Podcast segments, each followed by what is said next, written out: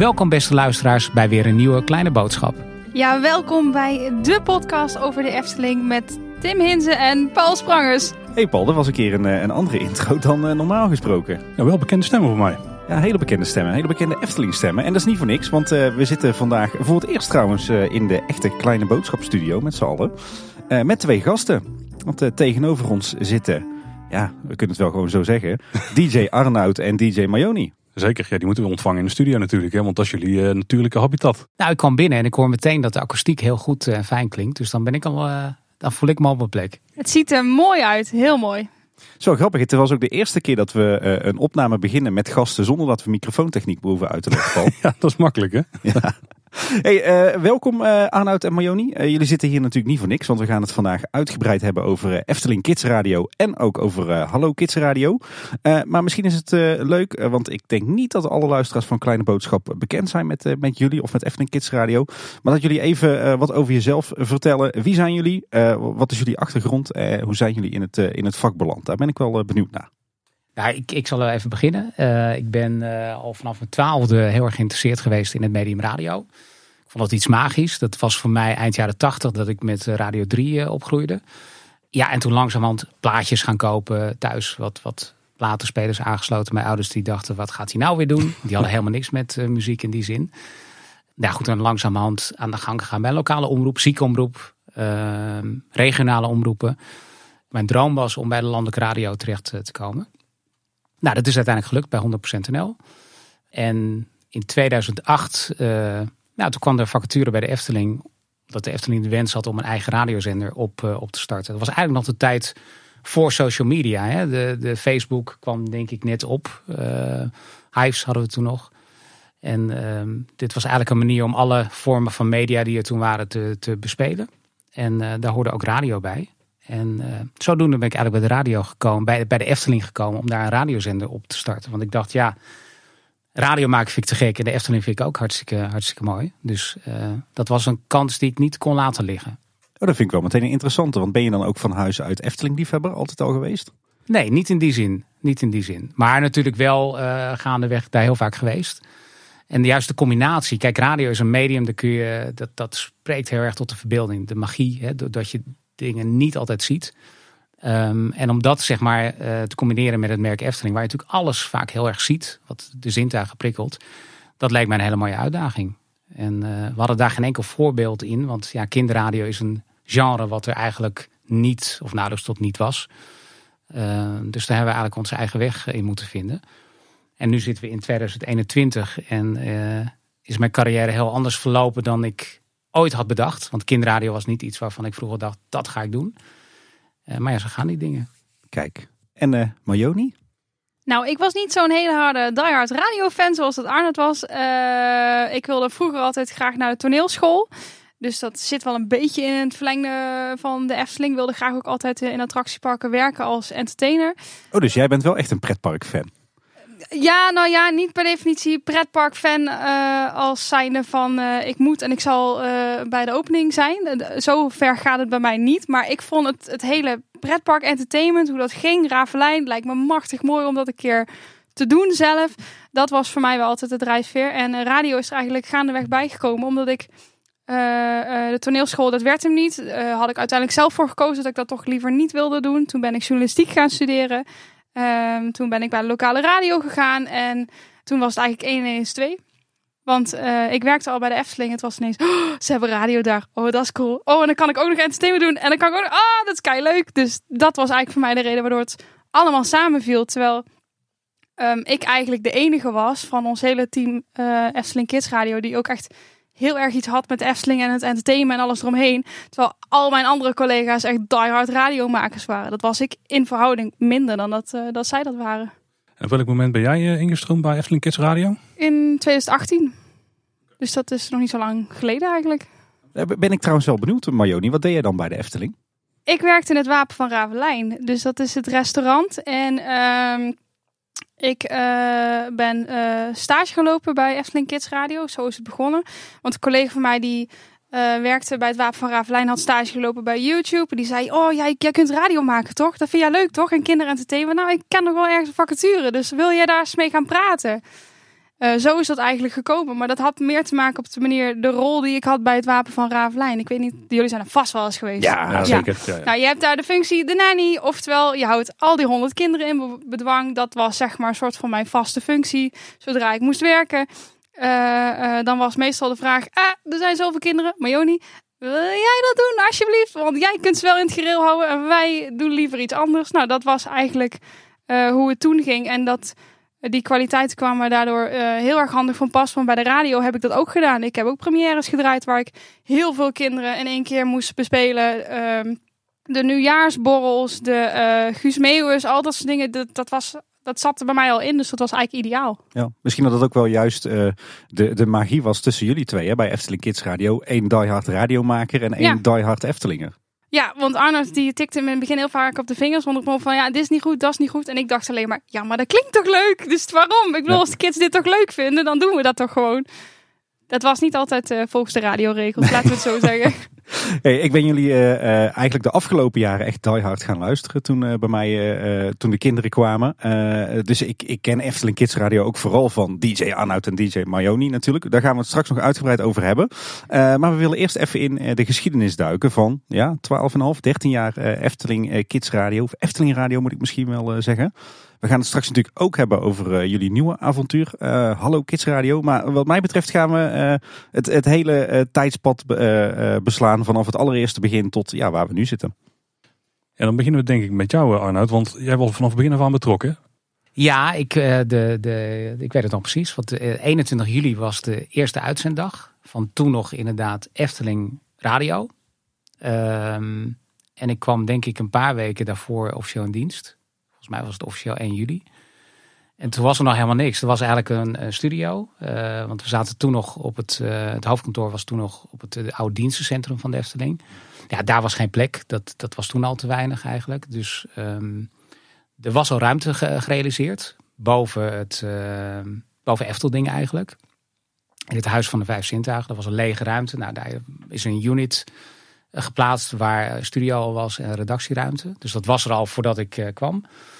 Uh, maar ja, dat was er. En, en dan? Wat, eh, wat dan? Dus we zaten daar met drie uh, mensen en we hadden drie weken de tijd om uh, te gaan nadenken. Hoe, hoe, gaan we, ja, hoe gaan we een radiozender opzetten voor de Efteling? Ja, want ik kan me voorstellen dat als je misschien niet helemaal in de radio zien zit en vooral in de voorbereiding die eraan vooraf gaan, je moet echt een heel concept uitwerken. En wat voor muziek ga je draaien? Ik weet niet of jullie toen al met DJ's gingen werken, dus met ook praten er tussendoor. Ja, nou, er waren twee DJ's die waren al aangenomen. Ik kwam als senior, uh, nou, programmaleider DJ, uh, kwam ik in dienst. Uh, dat was destijds onder Olaf Vugts. Een jaar eerder had hij eigenlijk dat idee geïnitieerd om, om de radiozender te beginnen. En ik was ook aangenomen vanwege mijn radiokennis. Dus de, de, feitelijk begonnen we vanaf nul. En toen hebben we die eerste drie weken echt gewoon... Ja, bijna dag en nacht zijn we gaan zitten van... Ja, wat gaan we draaien? Wat, wat uh, gaan, we de, gaan we de kant op dat we de, de dag en nacht Efteling muziek gaan draaien? Hè? Of uh, gaan we een hitstation opzetten? Nou, mijn gedachte was al meteen... Kijk, als je natuurlijk als je, als je alleen maar Efteling muziek draait... Dat is leuk voor een dag of twee... Daar bouw je geen uh, luisterpubliek mee op. Tenminste niet jaar rond. Want het is leuk voor een dag of twee. Maar als je natuurlijk de hele dag door alleen maar Carnaval Festival hoort. ja, dan, uh... Om maar een voorbeeld te noemen. Nee, dus eigenlijk hebben we al heel snel... Een, een, uh, in eerste instantie was het trouwens geen kinderradio. dat was helemaal het idee nog niet. We hebben toen gedacht, ja, wat, wat past bij de Efteling? dus toen zijn we gaan zitten met het hitdossier. Was destijds dan met Jeroen Soer. Ehm, die kwam van Radio 10. En uh, toen zijn we gewoon vanaf nul begonnen van oké, welke liedjes gaan we dan draaien? Dus ga je gewoon van A tot Z, wat, wat zou bij de Efteling passen? En toen kwamen we op een format wat toen een beetje een kruising was tussen, tussen de goede hits van 3FM en, en ja, wat je later zou zeggen, de, de, de hits van het Foute Uur van Q Music. uh, optimistisch, vrolijk. En um, toen was wel de opdracht om minimaal twee kinderliedjes per uur te draaien. Dus dat, dat hebben we eigenlijk toen opgezet. Dat was op um, ehm, 21 juli 2008. Uh, toen nog met Bart de Boer, die stond op de brink. En uh, nou, toen hadden ze wat festiviteiten bedacht waarbij de pagode omhoog ging. We zonden toen uit op de frequentie 104.3. Dat was in Kaatsheuvel en omgeving. Dus we hadden bedacht, dan beginnen we om 10 uur 43. Dat was het begin. Uh, maar eigenlijk zat ik ook in de studio en denk, waar ben ik aan begonnen? Wat, wat gaan we doen? Daar ben ik eigenlijk wel benieuwd naar. Want jij zei dat Olaf Vugtse al een jaar eerder met dat idee uh, rondliep. Volgens mij was het de bedoeling uh, oorspronkelijk dat het Radio 777 zou gaan heten. Maar, maar, wat was nou eigenlijk het doel van een Efteling Radio? Waarom wilde de Efteling dat zo graag? Nou, in eerste instantie, voor zover ik het nu nog kan terughalen, was het idee om in ieder geval het medium radio ook te bespelen naast tv en internet.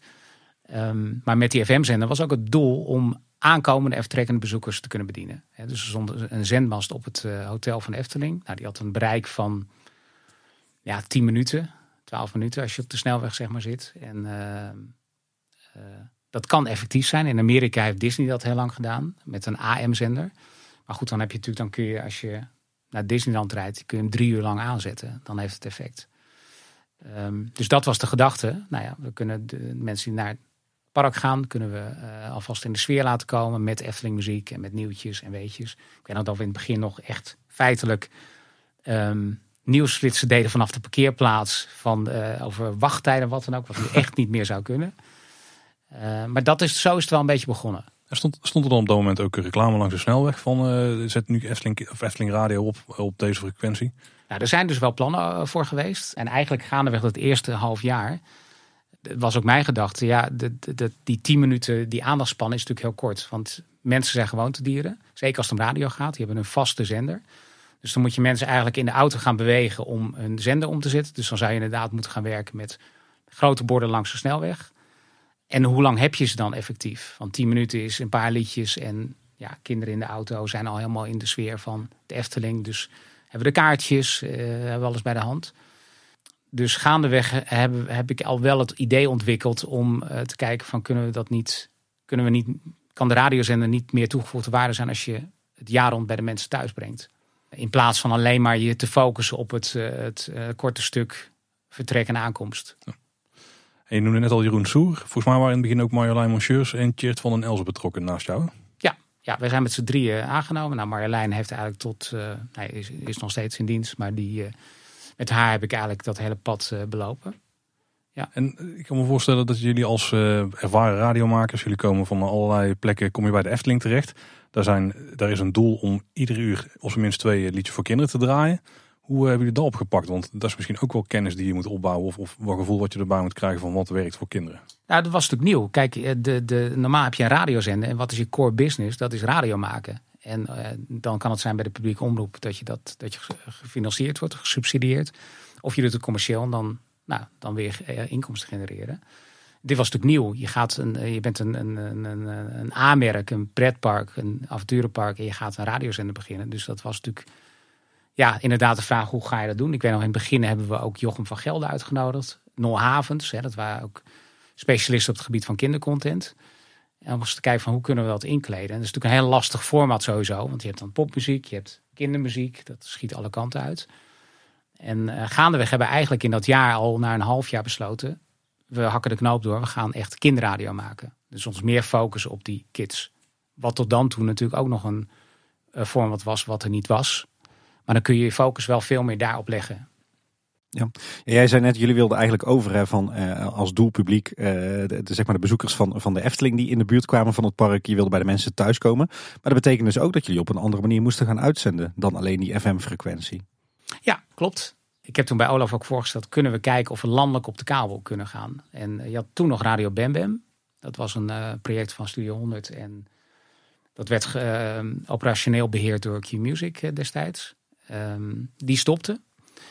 En dat was nog de periode als je op de kabel wilde, op de analoge kabel. Dan moest je alle kabelraden in Nederland moest je af. Dat waren er meer dan 50. En die, die kabelraden bepaalden toen wat de, de aanbieders, Ziggo, UPC toen nog, uh, eigenlijk moesten uitzenden. En die kijken altijd naar een, een divers aanbod. Uh, dus nou, dat hebben we gedaan. Op pad gegaan. En dan feitelijk moet je al die raden dus door het hele land moet je gaan overtuigen van het feit van hé, hey, we hebben een nieuwe zender. Dat was begin 2009. En uh, toen zijn we ermee begonnen. En dat is vrij snel gelukt, omdat ook naar Radio Bam Bam stopte. En het kinderaanbod was er verder niet. Dus dan ben je een vrij makkelijke nieuwe speler die gewoon een nieuw aanbod eh, aanlevert. Nou, in 2010 zijn wij, begin 2010 zijn we ook echt op de kabel gekomen. Bij UPC en Ziggo. En uh, dat had wel als consequentie dat, dat we onze FM-frequentie moesten inleveren. Want dat mag je, je mag niet gelijktijdig een landelijke uitzendvergunning hebben, wat het was op de kabel. En gelijktijdig een lokale FM-frequentie. Ja, oké, okay, maar een landelijke FM-frequentie mag natuurlijk wel. Want ik ga ervan uit dat alle grote radiostations, tussen de, de, radio 2, 3 FM's, Q-Music, die hebben dat wel, neem ik aan. Ja, maar je mag niet zomaar een lokale uh, frequentie hebben. Dus ook weer om natuurlijk de lokale uh, omroepen te beschermen. Maar goed, die keuze hebben we toen gemaakt. En ja, we zagen echt veel meer uh, kansen in het landelijk bereik via de kabel. Dus zo geschieden. Ja. En, en hoe zag toen in, in die beginjaren jullie programmering er, er een beetje uit? Welke DJ's werkten er? Wat had je voor programma-onderdelen? begin werkten we met z'n drieën. Dus dat was uh, van der Elzen, Marjolein, Monsieurs en ik. In feite was ik ook als programmamaker aangenomen. Ehm, maar ja, goed, als je natuurlijk wil groeien als station, heb je ook iemand nodig die ja, de, de, de gang van zaken, de strategie uitzet. Dus ik heb, me, ik, heb wel meegepresenteerd, maar ben op een gegeven moment wel meer de, de, op de achtergrond de plannen gaan maken.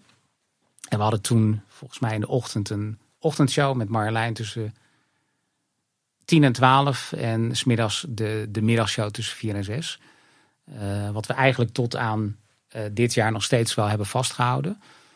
Omdat ja, je hebt je, je hebt je doelgroep. Nou, de doelgroep was toen 4 tot en met 8. Nou, die zit op school. Dus je kan natuurlijk je hele programmering kun je uh, volzetten met DJ's. Maar dat is gewoon niet effectief. Dus we hebben ons toen al wel gericht op de tijden dat je aandacht kan hebben van kids. Dus dat is sowieso na schooltijd. Weekend, woensdagmiddag. Ja, goed. dat is wel heel slim, ja. ja. Je had het net al over de, over de muziekkeuze. Uh, ik kan me voorstellen dat jullie op een gegeven moment wel meer dan twee kinderliedjes per uur gingen uitzenden. Nou, toen we de, toen we de keuze hebben gemaakt om kinderradio te maken, het jaar 2009 echt gaan kijken, oké, okay, wat gaan we dan draaien? Um, en de strategie was om gewoon de grootste hits te pakken en alle liedjes van, van, um, van kinderproducenten. Dus wat, wat is populair bij kinderen? Nou, dat was bij de Efteling af en toe ook nog wel eens lastig, want dat betekent ook dat we K3 gingen draaien. Ja. Nou, we hebben er wel de scheidslijn bij gemaakt dat we niet, hè, we, we hebben geen echte parkmuziek van andere parken gedraaid. Maar ja, K3 is gewoon populair bij kids. En die zijn helemaal niet bezig of de afzender Studio 100 is of Efteling. Uh, maar ook de top 40 hits. En door dat te doen, uh, maak je natuurlijk een, een dusdanige strategische programmering. Uh, waarin je ook allerlei Efteling speldenprikjes vindt. Waarbij je uiteindelijk je merk ook weer bij de mensen thuis brengt. Zonder dat continu te draaien. Ja. Nou, maar er zit toch altijd, tenminste de laatste jaren in ieder geval, maar misschien toen de tijd ook al wel, er zat toch wel best wel een flink aandeel uh, Efteling muziek ook in jullie programmering. Uh, attractiemuziek, maar ook parkmuziek en, en, muziek uit de musicals. Ja.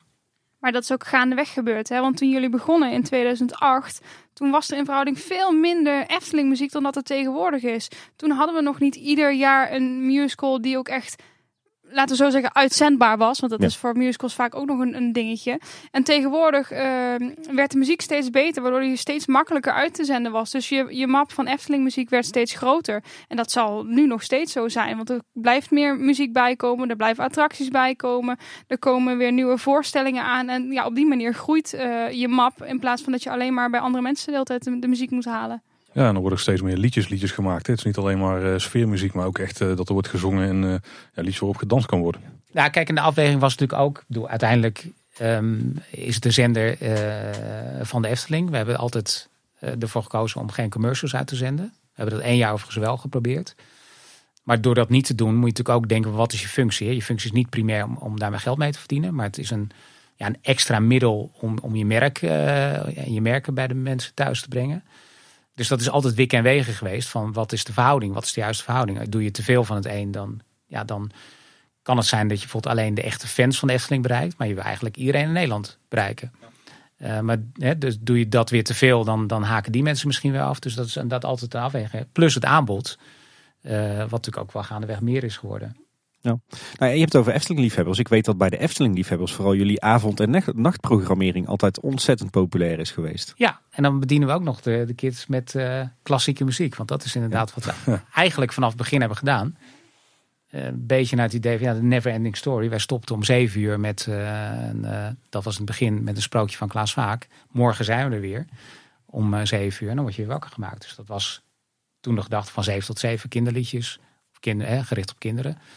En daarbuiten klassiek muziek, parkmuziek. Um, want ja, als het goed is ligt de doelgroep s'nachts, s'avonds op bed. dat is wat een Radio Bam Bam ervoor deed. Dat was gewoon echt een PC die gewoon dag en nacht alleen maar liedjes uh, draaide.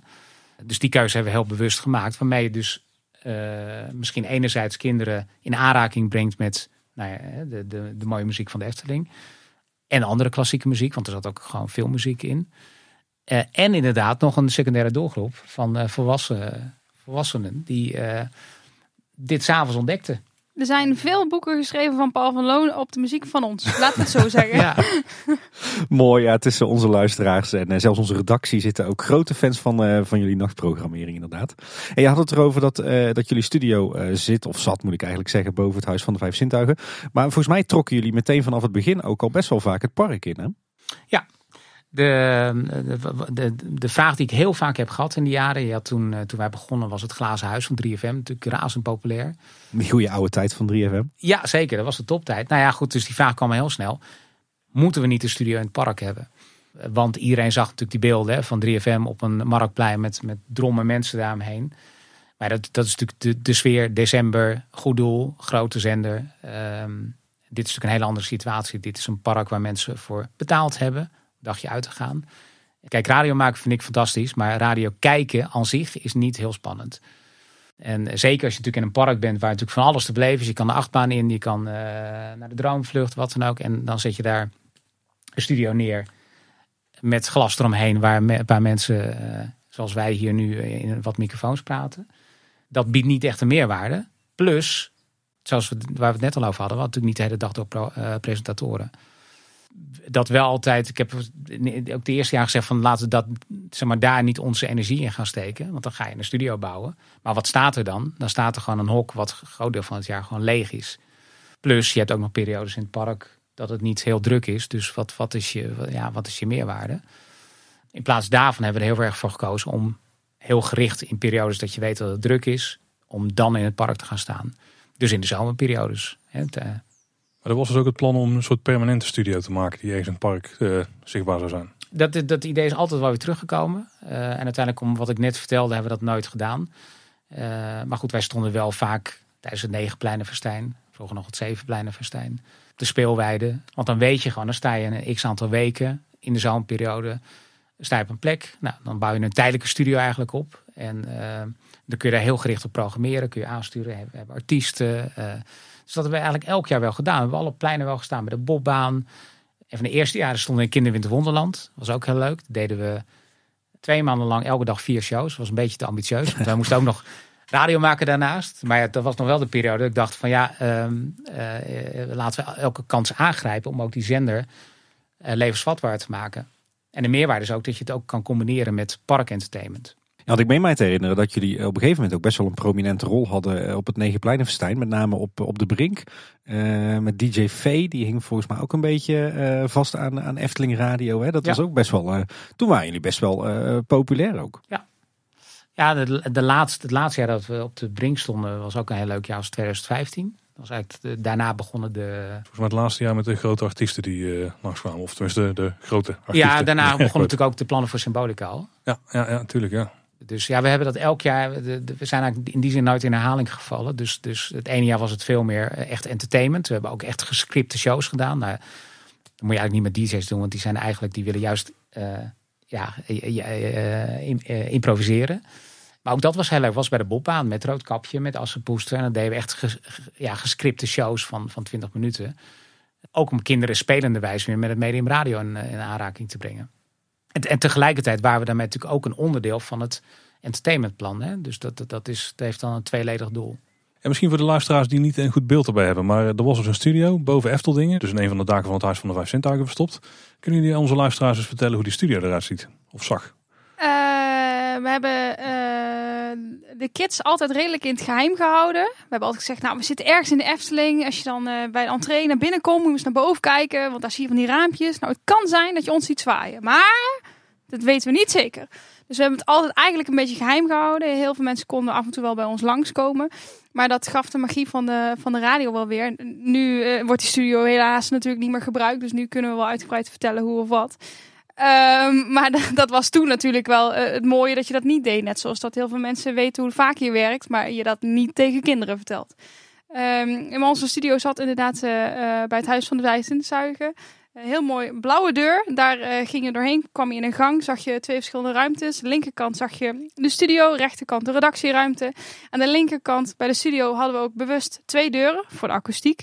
Ehm, maar de kids maakten altijd een grapje. Ja, dat is voor het geluid, want sommige DJ's praten een beetje hard. En als ze dan de andere kant een interview hebben, dan zit hij er doorheen. Volwassenen wisten vaak dat het door de akoestiek was. Maar kinderen die dachten echt, oh ja, oh ja, oh nee, ja, dat snap ik. Ja, want ik weet wel een DJ die hard praat. Dus uh, uh, zodoende, daarna ging je er doorheen en dan kwam je eigenlijk in een beetje een ruimte zoals waar we nu zitten. Wat kleinere ruimte, heel akoestiek, uh, goed ingericht voor radio. Mooie houten tafel ook met plekken waar je zowel mensen kon interviewen als zelf de radiozender kon, kon laten draaien en maken. Um, maar dat was eigenlijk pas heel kort, want ik heb de oude studio nooit meegemaakt. Want deze studio was af in 2018 pas. Oh, oké. En de oude studio, ja, daar heeft eh, Arnold uitgebreid eh, in gezeten, maar ik helaas niet meer. Dan ben ik ook benieuwd hoe die eruit zag natuurlijk. Nou, die was, die was twee keer zo groot eigenlijk. Maar uiteindelijk hebben we hem uh, gesplit om, om eigenlijk twee studio's te kunnen creëren. Dus uh, we hadden nu een uh, editruimte en een, en een uitzendstudio. Maar de eerste studio, dat was, ja, de, kijk, de Unity was gebouwd. maar ja, kijk, toen wij begonnen, was het natuurlijk allemaal best spannend. Nou, we gaan een radiozender starten. Nou, we kijken het aan voor een jaartje. Dat snap ik ook heel goed. Want ja, uh, dus alle, alle wandjes, het was ook allemaal heel hol. Dus feitelijk, jullie kennen ook wel hoe de entree is beneden, als het dan druk is. Ja, dan komen die, de mensen die komen onderlangs uh, uh, binnen, naar, die gaan het park in. Dus dat is de kabaal van je welste. En dus dat was best. Kijk, nou hoef je voor een radiozending is het anders dan voor een, een, echte stemopname. Je mag wel wat horen. maar dat was best flink, dat geluid. En dus gaandeweg hebben we wel wat, wat middelen toegepast om het verder te isoleren. Uiteindelijk hebben we dus in 2018 hebben de studio helemaal uh, aangepast. En ja, de vraag die wij ook wel vaak kregen is: uh, waarom hebben die geen studio's of geen, geen camera's in de studio hangen? Visual radio is natuurlijk een, een uh, ja, als je kijkt naar de grote stations, die hebben dat allemaal. Waarbij ik denk dat de meerwaarde vooral zit in wat je ermee kan op social media. Gebeurt wat leuks in de studio, kun je dat meteen knippen en um, nou, zet je dat op je socials. Wij hebben er heel bewust voor gekozen om dat gewoon niet te doen. Omdat juist die kracht van, van, van de kracht van radio en van audio is de verbeelding die je erbij kan oproepen. En zeker in combinatie met ja, een park als de Efteling moet je dat in stand houden. Dus hè, we hebben gaandeweg zijn natuurlijk wel foto's gaan plaatsen op socials. Maar ja, laat je alles zien. Hè, de, um, ben je gesprek met Wolf? Of, eh, dat, dat, dat, is eigenlijk, dan kom ik terug op hoe ik het beleefde toen ik twaalf was. Ja, ik, uh, toen wist je helemaal niet hoe programmamakers eruit zitten, uh, zagen. Maar ik, ja, er zat ergens in Hilversum een mannetje en die praatte en die, die, die schetste een hele wereld. En, en dat wilden we wel behouden. Snap ik helemaal. Dat is ook de reden waarom wij een podcast maken en geen vlog. Ja, er is wel een reden dat je ons niet zo wakker nou ja, Nee, maar dat is wel, dat, dat als, je, als je ergens naar luistert of je kijkt ergens naar, kijk je ergens naar. Eh, stel dat jullie een vlog maken, zullen mensen eerst kijken, god, wat heeft hij aan? Of eh, de aandacht is al meteen, uh, is al meteen afgeleid. En uh, dat vind ik het mooie van het werken met audio. Ik kan me voorstellen dat het ook best wel magisch was om als je dan iedere dag naar je werk eh, moest, dat je eigenlijk na de entree van de Efteling eh, mocht lopen, waar, eh, ja, waar dagelijks drommen mensen onderdoor gaan. Moet ook best een bijzondere werkplek zijn geweest. Ja. Z zeker weten, zeker weten. Het is me regelmatig gebeurd zelfs dat ik door medewerkers werd aangehouden van, jij mag daar die trap helemaal niet omhoog. Dat ik dacht, ja, maar daar is mijn kantoor. Want uh, er waren stiekem een hoop medewerkers die niet eens wisten dat daar uh, de studio zat. Dus um, dat zorgde af en toe voor grappige tafereelen met vervolgens allerlei medewerkers in de studio om toch even te kijken wat er allemaal gebeurde. Maar het mooie was dat je, je, je zag wat de Efteling deed met mensen. Dus je, je zag ze binnenkomen met een bepaalde blik op hun gezicht. Die enthousiasme, kinderen die helemaal, mama, mama, Jokie, dat wordt het als eerste. En je zag ze ook weer op de terugweg. Dus je kon zien, kinderen voldaan, in slaap in de, uh, in de buggy, uh, ouders blij, uh, moe misschien. Dus, dus je zag eigenlijk op één plek wat de Efteling met iemand kon doen. En dat was altijd heel mooi. Ondanks dat wij niet zoveel ramen hadden, dat dan natuurlijk wel. Maar... Ja, want, want een van de ramen die kijkt wel uit op het dwarrelplein. Ja, ja. ja. Vanuit de studio, toch niet vanuit de redactie? Als nee, het was vanuit de studio. De studio kijkt uit op het, op het dwarrelplein en uh, de redactieruimte kijkt uit op ja, ja de, andere de, andere, kant. kant. nou, we hebben natuurlijk wel gekeken, ook in de loop der jaren, van moeten we niet, moeten we niet naar kantoor. We hebben ook een, een uh, jaar hebben we echt wel meer op kantoor gezeten. was de tijd dat ik ook YouTube deed. Uh, om, om uiteindelijk meer synergie te creëren. Het, het nadeel van het zitten op een aparte plek is, of ja, laat ik zo zeggen, het voordeel is natuurlijk dat we met audio werkten. We hadden artiesten over de vloer, dus dat is gewoon onhandig om dat, om dat op, je, op je zakelijke kantoor te hebben. Uh, maar het nadeel is natuurlijk dat je een stukje synergie mist. En, uh, dus dat moet je altijd tegen elkaar afwegen. Dat je iets vaker op en neer moet. We hebben heel veel op en neer gelopen naar kantoor. Dus Ja. dat is Heel vervelend. ook goed voor de gezondheid. Ja, ja. Maar dat, wat jij zegt, dat, dat de, en dat heb ik tot het laatste wel gehad. Eh, we hebben uitzendingen gemaakt tot en met 31 maart. En eh, natuurlijk, als je, als je, eh, ik heb er nu meer dan 12,5 jaar gewerkt. Het wordt gewoner. Maar ik heb me wel altijd gerealiseerd dat het natuurlijk een, een, een uniek pand is om, om dat als je kantoor te beschouwen. Zeker het entreegebouw. Ja, je zit echt boven de ingang van nou ja, een van de grootste en mooiste pretthemaparken Ja. van Europa. Ja, Even een, eh, een sprong in de tijd, dat moeten we eigenlijk niet doen, maar ik ga het toch vragen. Hoe ging dat eigenlijk tijdens de lockdowns? Hebben jullie toen ook nog gewoon in eh, de studio in het Huis van de Vijf Zintuigen gezeten? Ja, ja, ja, dat hebben we gedaan. Eh, we hebben gewoon uitgebreid eh, uitzending gemaakt. Dat was ook de reden waardoor Arnold en ik eh, veel meer op de radio kwamen. Want het park moest dicht. De, de, er viel veel minder eh, eh, voor de gasten te doen. Er waren natuurlijk wel YouTube-series en alles, maar het viel allemaal een beetje weg. Radio maken kon gewoon door blijven gaan. Ehm, hoe dan ook ehm, hebben we wel op een gegeven moment een belletje gekregen van... Goh, hè, eh, park dicht. Jullie misschien ook? En toen hebben wij gezegd, nou, volgens mij is het veel beter om het door te laten gaan. En dat hebben de cijfers ook eh, bewezen. Dat juist in coronatijd het juist zo belangrijk is. Want je wil niet weten hoeveel vragen wij hebben gekregen van... eh Roodkapje, gaat hij nog wel naar oma? En kan dat wel? En is Hollebolle Gijs niet nou een stuk dunner? Want die krijgt nu geen eten meer. En dat, was, dat waren echt vragen die heel veel bij kinderen leefden. En wij konden ervoor zorgen dat dat ook beantwoord werd. En dat was eigenlijk het hele mooie. Dat je die magie van de Efteling juist op zo'n moment heel erg eh, bij hun thuis kon brengen. Ja, en er zijn natuurlijk periodes geweest dat de kinderen ook gewoon hele dagen thuis zaten in plaats van Ja. dat ze naar school gingen. Ja, Ja. dat merkte je zeker die eerste periode vanaf maart. eh, want kijk, het was ook nog technisch natuurlijk. Hè? Dat als je eh, radiozender bent, heb je je studio nodig. Nou, dat weten jullie ook in zekere zin. Maar dit is dan live. ehm, dus niemand wist wat er ging gebeuren. En op een gegeven moment, ja, de, de, de, de, opdracht was ook thuiswerken. Eh dus denk ik, ja, hoe gaan we dat doen? Want er was toen ook nog sprake van dat iedereen in zijn eigen eh, provincie moest, eh, moest blijven. Ik denk, nou ja, ik woon in Gelderland. Ik denk, dat wordt nog wat. Ja. Ehm, dus toen hebben we wel heel snel geschakeld. Wat zijn de opties? Dus we hadden drie opties achter de hand voor een tijdelijke studio ergens neer te zetten. Uiteindelijk hebben we het ook opgelost met ja, de- helft van ons team heeft ook gewoon echt thuis kunnen werken. Ook met verbindingen, met thuisstudio's. Ik ook. Dus we hebben ook vaak gepresenteerd dat ik thuis eh, zat. En dat ook, dat hebben we ook kunnen benoemen, omdat ja, iedereen zat in hetzelfde schuitje. Maar in die, eh, zeker in die eerste periode merkte je toen het park ook dichtging. Wat natuurlijk een schok van je eigenlijk was. Dat het besef ook binnenkwam. Oh ja, dan gaat ook dat dicht. Eh, dat die kinderen thuis kwamen te zitten. En nou ja, de, de, de, de, de, mailbox ochtends, dat, dat, dat was gewoon niet meer bij te benen. En wat Marjoni ook zegt, ja, de kinderen zaten thuis. Hè, dat online lessen, dat kwam pas veel later eigenlijk echt goed op gang. Dus die eh, hadden heel veel tijd om in de ochtend met die kinderen bezig te zijn. Maar ook die verbinding te maken met het park inderdaad. Van hoe, de- wij kregen kinderen en ja, we willen de groetjes doen aan de Python. Ja, verzinnen maar, maar het is, dat is wat, wat mensen voelen. En nou, we hadden op een gegeven moment bedacht, weet je wat? Jij wilt de groetjes aan de Python. Dat gaan we doen. Dus we hadden de, de megafoon, een megafoon gekocht. Dan gingen we na de uitzending ook echt de groetjes doen met de megafoon bij de Python. En daar bijvoorbeeld filmpjes van maken. Om het ook echt, en dan, dan maak je wel de stap van de nood een deugd maken. En in, in ieder geval dan iets goed te kunnen doen. En ehm, bedoel, als ik kijk naar alle, alle Efteling-collega's, de- de- de- iedereen, voor iedereen is dat natuurlijk anders geweest. Er hebben ook veel collega's noodgedwongen thuis gezeten, niet aan het werk kunnen, Ja. eh, kunnen zijn. Veel parkcollega's vooral. Ja, dus dat besef hebben wij ook continu gehad. En dat wij in de gelukkige omstandigheid waren dat, dat we in, in, ieder geval ehm, meer dan ooit eh, het afgelopen jaar iets goeds hebben kunnen doen. En dat is natuurlijk ook een, een hè, dat, dat hebben we ons ook beseft. En eh, ik heb dan nog veel thuis gezeten. Marjoni is, ik denk dat er ge- geen medewerker is die vaker op kantoor is geweest afgelopen jaar dan eh Marjoni. Want die is letterlijk nou, bijna elke dag eh Ja. at die office geweest. Om ook natuurlijk, je moet iemand hebben die de ehm, qua faciliteiten die alles op eh, nou, aan de gang houdt. Ja.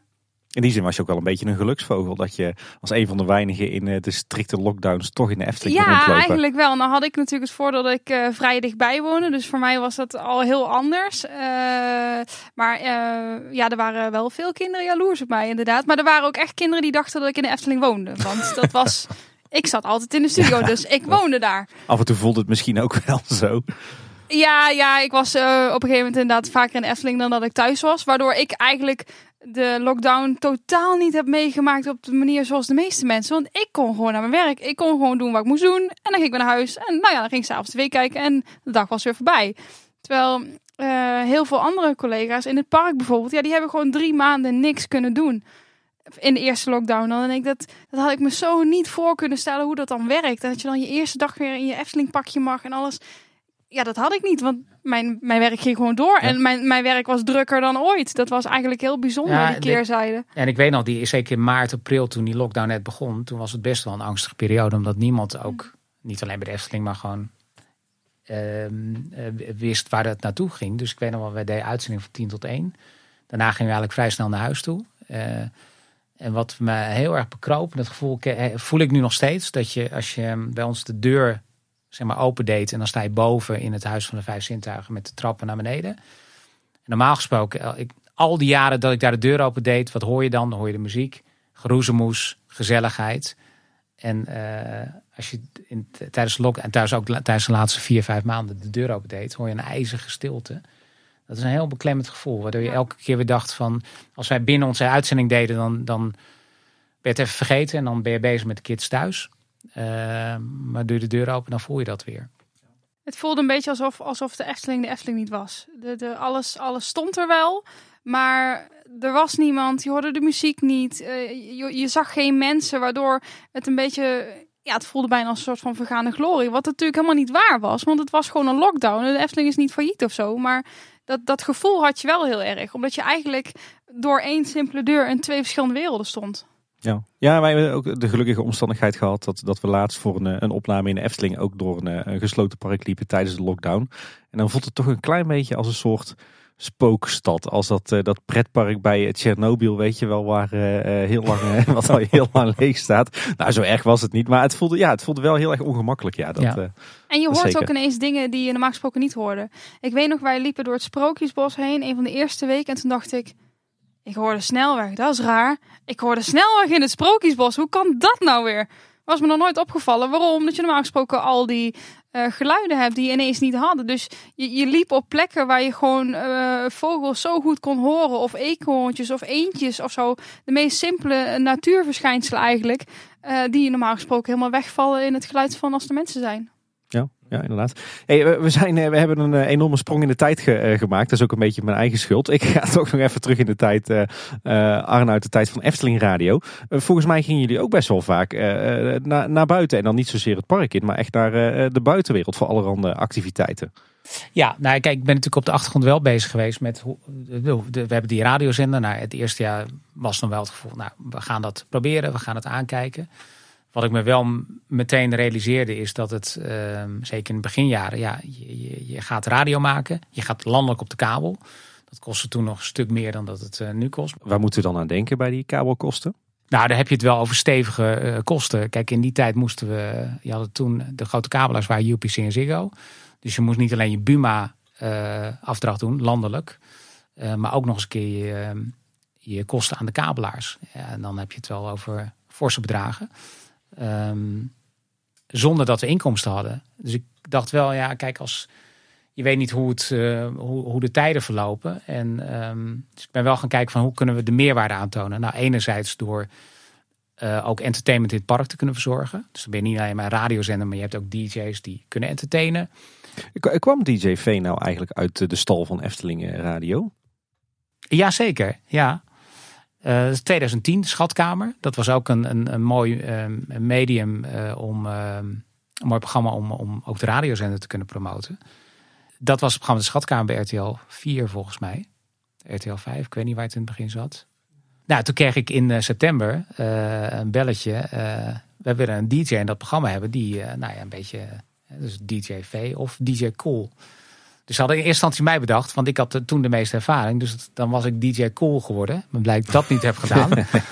Ehm, en toen kwamen ze met het idee om DJ V eh daaraan te koppelen. En toen werd DJ V ook automatisch DJ V op de radio. Toen heb ik Marjolein gebeld, eh, die toen op vakantie was. Ik zei, hey, ik heb een leuk idee. En we hebben niet zo heel veel tijd. Eh weer het doen. Toen heeft ze ja gezegd. En eh, nou, een week later toen, eh, toen hadden we al de eerste pilot. En eh, dat was heel succesvol. En dat heeft ook heel erg geholpen aan de naamsbekendheid van de radiozender. Eh, dus dat was een mooie crossover. Ja. ja, en DJ V heeft volgens mij zelfs nog staan draaien op het, eh, op het podium op de Brink. Klopt, ja. Dat was op de Brink, maar ook op de speelweide. Dat was nog wat daarvoor. En we zijn ook het, het, het land ingegaan. En dat is natuurlijk ook een meerwaarde. hè, Om je merk buiten de poorten van je, van je park te kunnen laten zien. En allerlei vormen hebben we gedaan. We hebben nog uitzendingen gemaakt vanuit de pop-up stores eh, van de Efteling. Oh ja. In, eh, dat was denk ik in 2013. Ehm, nou, toen dacht ik, nou weet je wat, er is een pop-up store. Dus je hebt een locatie elders waar je kunt staan. Dus toen ben ik belletjes gaan plegen. Kunnen wij in de, in de, ja, kunnen we in de etalages staan. Dus we hebben uitzendingen gemaakt vanuit de etalages, vanuit de pop-up stores. Met DJV.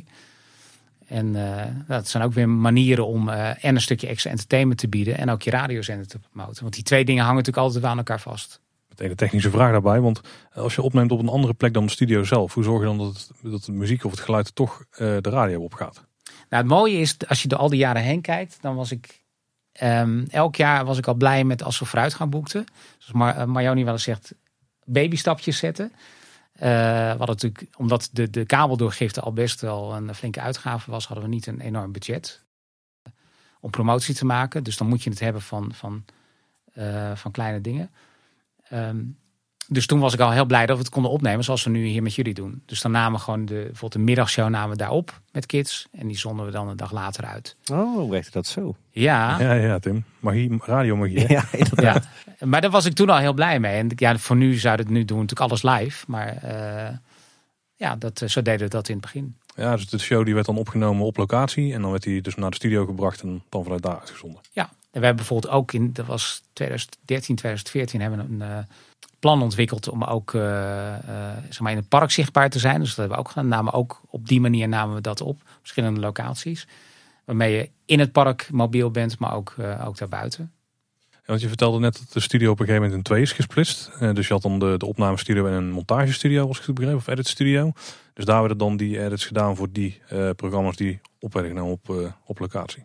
Nee, want dit, dit, de, de, de, de nieuwe studio is echt in 2018 gebouwd. Oh ja. Dus de, Nee, we zijn, we zijn eh, op locatie live gaan uitzenden. Is eh, al eerder gebeurd. Daar zijn we geloof ik eh 2015 volgens mij. Toen met de speelweide. Dat was echt live. Of eh, speelweide op de brink. Dat was echt live. En vanaf daar zijn we toen eigenlijk continu alles wat we op locatie deden is live geweest. Dus ook de uitzendingen die we bij Grootsme Zachte G hebben gemaakt voor het junior concert. Maar ook eh, we hebben live uitzendingen gemaakt op het Steenbokplein. En eh, eh, nog veel eh, meer, eh, zelfs met de wandelzender en alles, dat je continu wel live bezig bent. Want op een gegeven moment merkte je dat dat gewoon eh, veel beter werkte bij de doelgroep. En op een gegeven moment ging onze technologie vooruit. Dus dat helpt dan natuurlijk ook altijd even Ja. mee. Ja, want hoe werkte dat dan op het moment als je live op eh, locatie opnames maakte? Die, dan had je dus een, een, eh, zelf een radiozender tussen studio en locatie? Of ging het via Nou, internet? we hebben het alle, we hebben het eh, eh, de stap terug in de tijd. We hebben het ook wel eens gedaan vanaf het eh Steenbokplein. Deden we op de zaterdagavonden deden we shows. En dan deden we het echt met een, eh, met een zendmasje. Dus dat was met een soort evenementenzendmasje vanaf eh, het Steenbokplein naar, de, naar het eh, Huis van de Vijf Zintuigen. Daar hing dan een antenne aan. Daar waren mijn collega's bij de entree niet altijd even blij mee. Ze zeggen, wat hangt er nou weer? Later hebben we het ook gedaan via gewoon ja, je interne verbindingen. Hè, dus dat je gewoon via je internetverbinding verbinding maakt. Of via een Comrex. Dus dan ga je gewoon, ja, dan kun je eigenlijk overal in Nederland kun je heel makkelijk radio maken. Die moet je even uitleggen. Nou, de Comrex is eigenlijk gewoon een mooi systeem wat we bij radio veel gebruiken. Waarmee je gewoon eigenlijk een hoogwaardige eh, lijnverbinding hebt.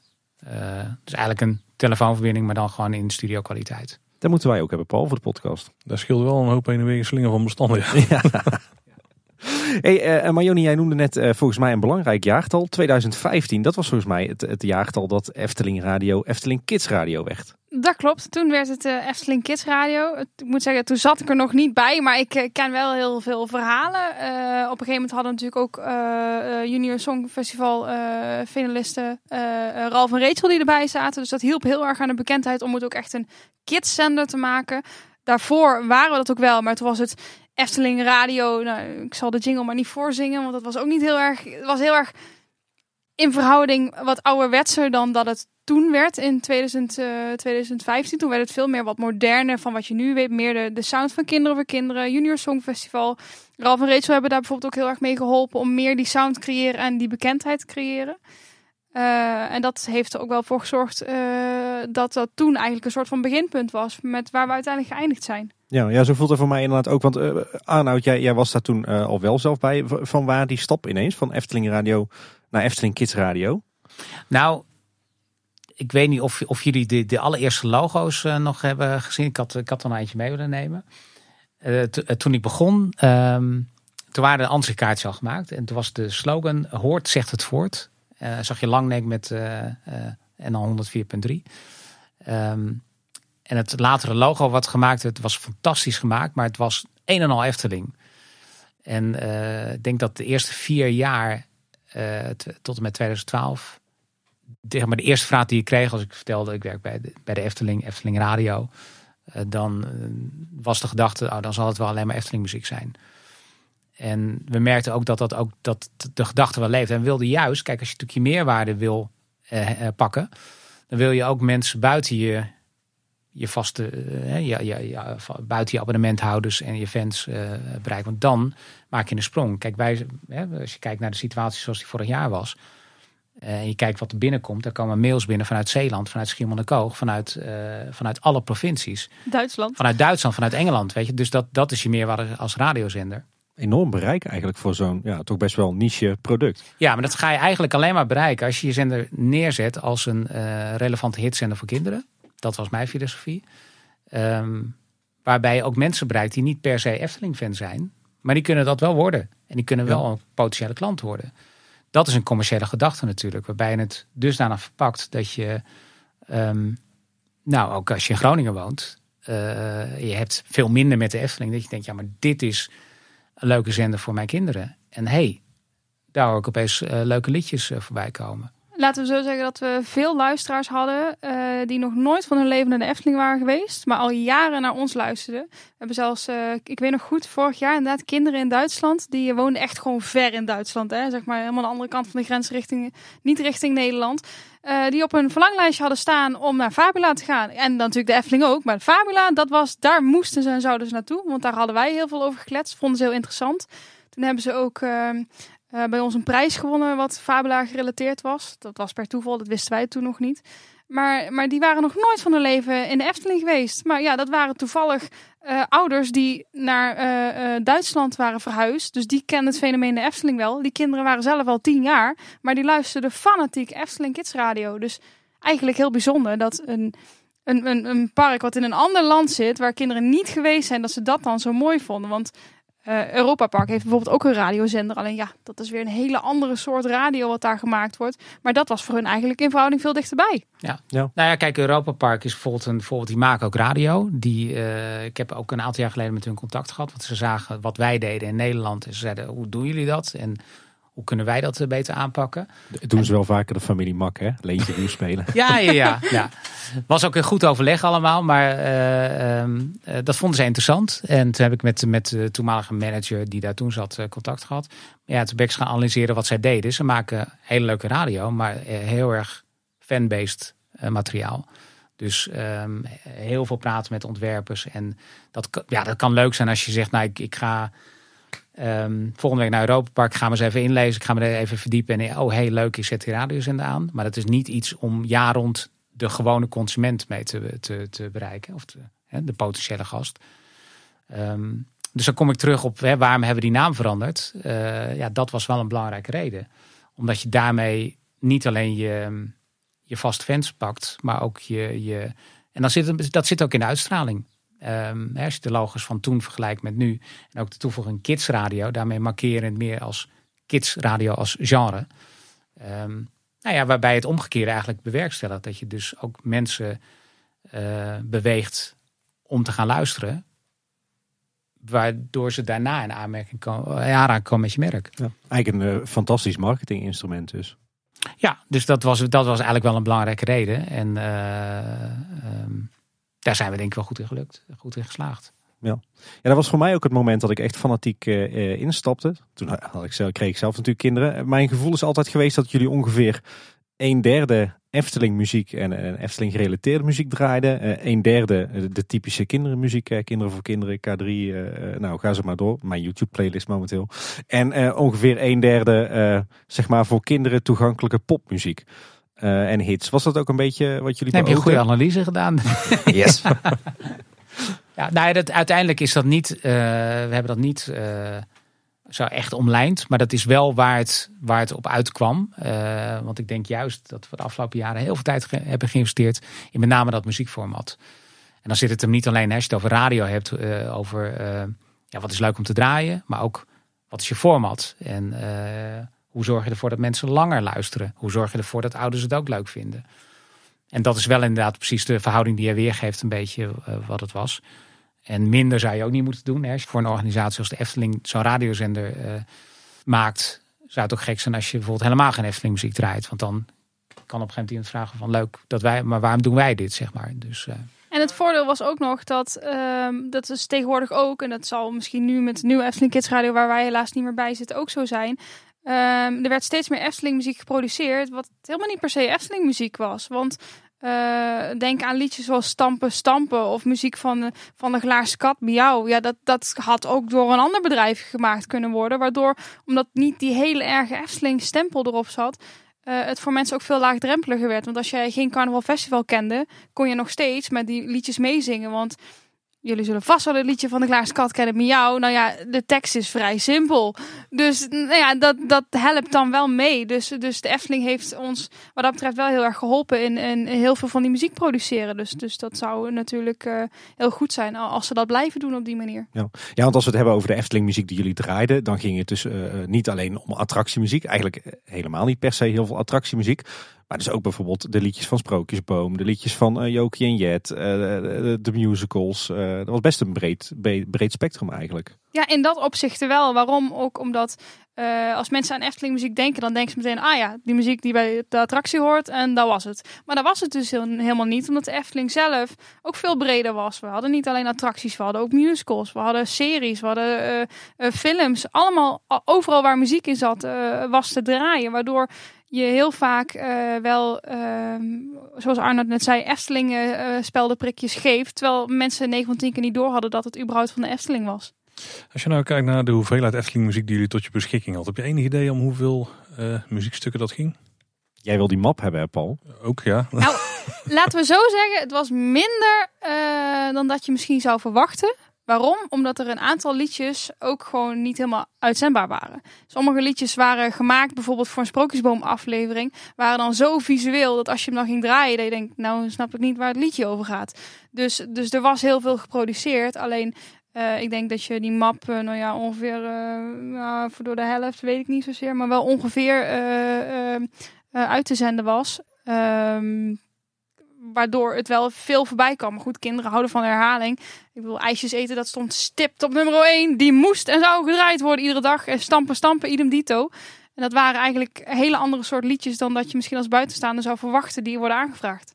Ja, en volgens mij zaten in die map ook heel wat uh, uh, stemmen en geluidseffecten uit het park die wij maar al te graag thuis op de PC zouden willen hebben. Ja, ja, dat zou zomaar kunnen. Maar het niet allemaal uit het park. Ook deels uh, speciaal voor ons gedaan. Want uh, wij zeiden altijd, Wolf is eigenlijk uh, onze extra inval DJ. Dat was altijd uh, de, de sprookjesboomfiguur die regelmatig voorbij kwam. Want dat past ook heel erg bij het medium.